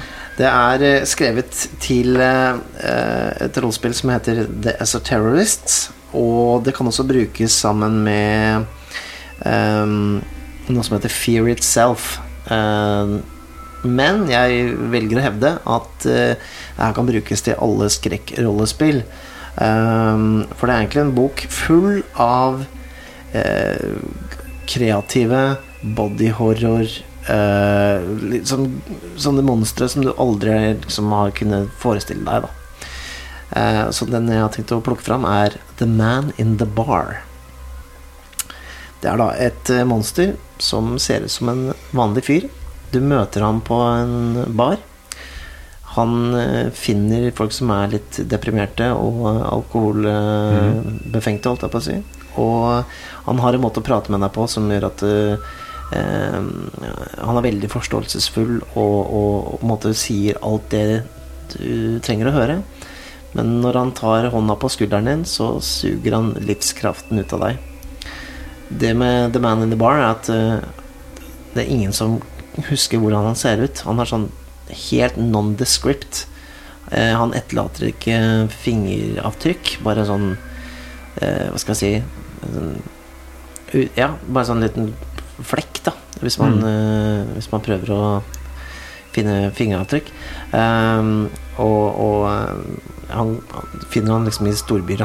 På, eh, han er liksom som en slags sånn demon eller et eller annet. Han er der, men han er der ikke. Ja, Han er der ikke, men samtidig. Så det er, han er nesten som metaforisk monster, føler jeg nesten. Litt sånn hypnol, råhypnol-fyr. Sånn som går og putter, eh, putter en liten sånn Er litt- greie oppi drinken til noen. Er litt rapey. Jeg, Er litt rapey. Lite grann.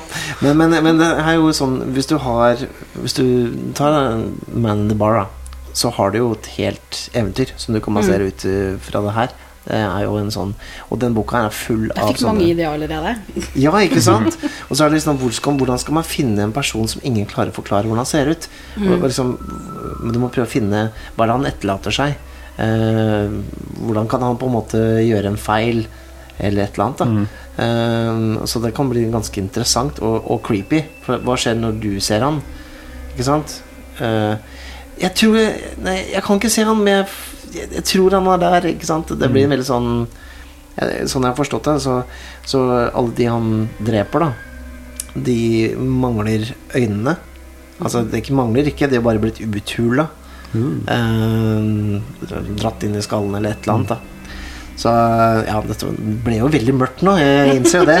Eh, men, men jeg er veldig fan av denne boka her. Du har, eh, du har veldig mye inspirasjon. da Tenker jeg da Kanskje spesielt til rollespillet Kult eller Col Cthulhu, som, som Ja, Col Cthulhu kjenner vi jo alle Altså Hvis man har fått med seg popkultur, så har man kanskje hørt om Cthulhu og Chachoga og Asatos og uh, Nyarlathotep eller Du hadde litt sånn asiatisk uttale.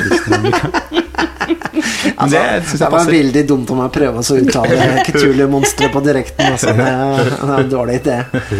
Men øh, hvis dere skal lage øh, noe sånt, da hvor trekker dere inspirasjon fra? Og, har dere prøvd det, å lage monstre fra bunnen av? Jeg tror liksom det nærmeste jeg har gjort med å lage monster fra bunnen av, er å bare bruke et monster fra monstermanualen, og så ta stats fra et annet sted, sånn at de ikke, spilleren ikke vet helt hva dette er for noe. Eller at jeg gir en beskrivelse, og så tar jeg noen stats bare og putter på det som ikke spillerne vet hvor kommer fra. Rett og slett. Hvordan er det med deg? Har du liksom Jeg har, jeg har øh, stort sett enten tvika øh, allerede på en måte mønster øh, men jeg har laga noen sjøl. mm. skjer en del uh, nå, har- nå har jeg spilt ganske mye Cthulhu Dark, da, så det blir jo på en måte i denne type sjanger som uh, det monsteret du nevnte nå. Mm. Um, og jeg ser veldig fint hvordan jeg kan bruke akkurat den. Ja, ja, ja. Eh, men det er liksom sånn uh, Skjer masse skrekkfilm. Eh, uh, ja. eh, det er egentlig ganske mye som kan eh, inspirere meg. Eh, høre på litt podkast om forskjellig tematikk. Mm. Um, litt sånn type ting som kan gjøre at jeg liksom Ja, det har jeg lyst til å ha med. ja ikke sant? Men én ting jeg lurer på, Kristine. Mm. Hvilken lyd lager egentlig The man in the bar. Når da? Oi. I, i i drapsøyeblikket, eller? drapsøyeblikket, tenker jeg? Oi. Ok, så det, det er noen øyne som driver og forsvinner her. Så Ja. det er noe Ok. eh, Jeg var ikke forberedt! Der gikk det lyd. Da, må eh, vertshuset slenge seg på Patrion, folkens. Vi må ha nytt eh, lydutstyr. Dere kan gå inn på www.patreon. Nei. Nei, men det gikk helt fint. Eh, Jeg tipper Veldig bra lyd. Altså, eh, jeg fikk body horror med en gang. jeg. Jeg fikk det, altså. Eh, Med den eh, skjellsettende lyden så tenker jeg at eh, nå har vi jo eh, traska gjennom Risk-spill. Vi har snakket om påske. Vi har eh, skremt oss selv litt med The Man in the Bar. Eh, vil du ta en liten promo-outro, Nikolai, som du er så flink til? Du vet jo jeg er så god på det. Eh, altså, jeg tenker denne gangen kan eh, promo-outroen være eh, ta og kikke på Risk-spillene som ligger på rollespill.info. Ja. Det er gøy lesning og inspirasjon. Og stem gjerne. Stem, stem, stem. stem, stem, stem. Så vi gir en liten eh, Gi en stor takk til Kristine Ven som eh, kom innom. Absolutt. Eh, takk for at jeg ble invitert. Du har vel en Instagram-konto hvor du deler litt sånn kreative eh, verker? Ja, jeg har Geekeball-dolls på Insta. Det er kanskje noe av det hva skal jeg si, koseligste Nei, koseligste Instagram-kontoen noensinne. Der Kristine lager eh, Vatkulefigurer. Ja. Og eh, jeg bare si, jeg ble Jeg, jeg fikk nesten en tåre i øyekroken da jeg så en liten Chewbacca. Eh, det er lagd av, eh, av garn. Ja, jeg det- synes det var veldig, veldig koselig. fantastisk. Fantastisk. Så da tenker jeg at eh, kan ikke vi alle ta og krabbe oss ut av denne, mm, denne brønnen her og høre på han der trubaduren som spiller outro-musikken? Ja, jeg syns jeg hører han allerede. Ding, ding.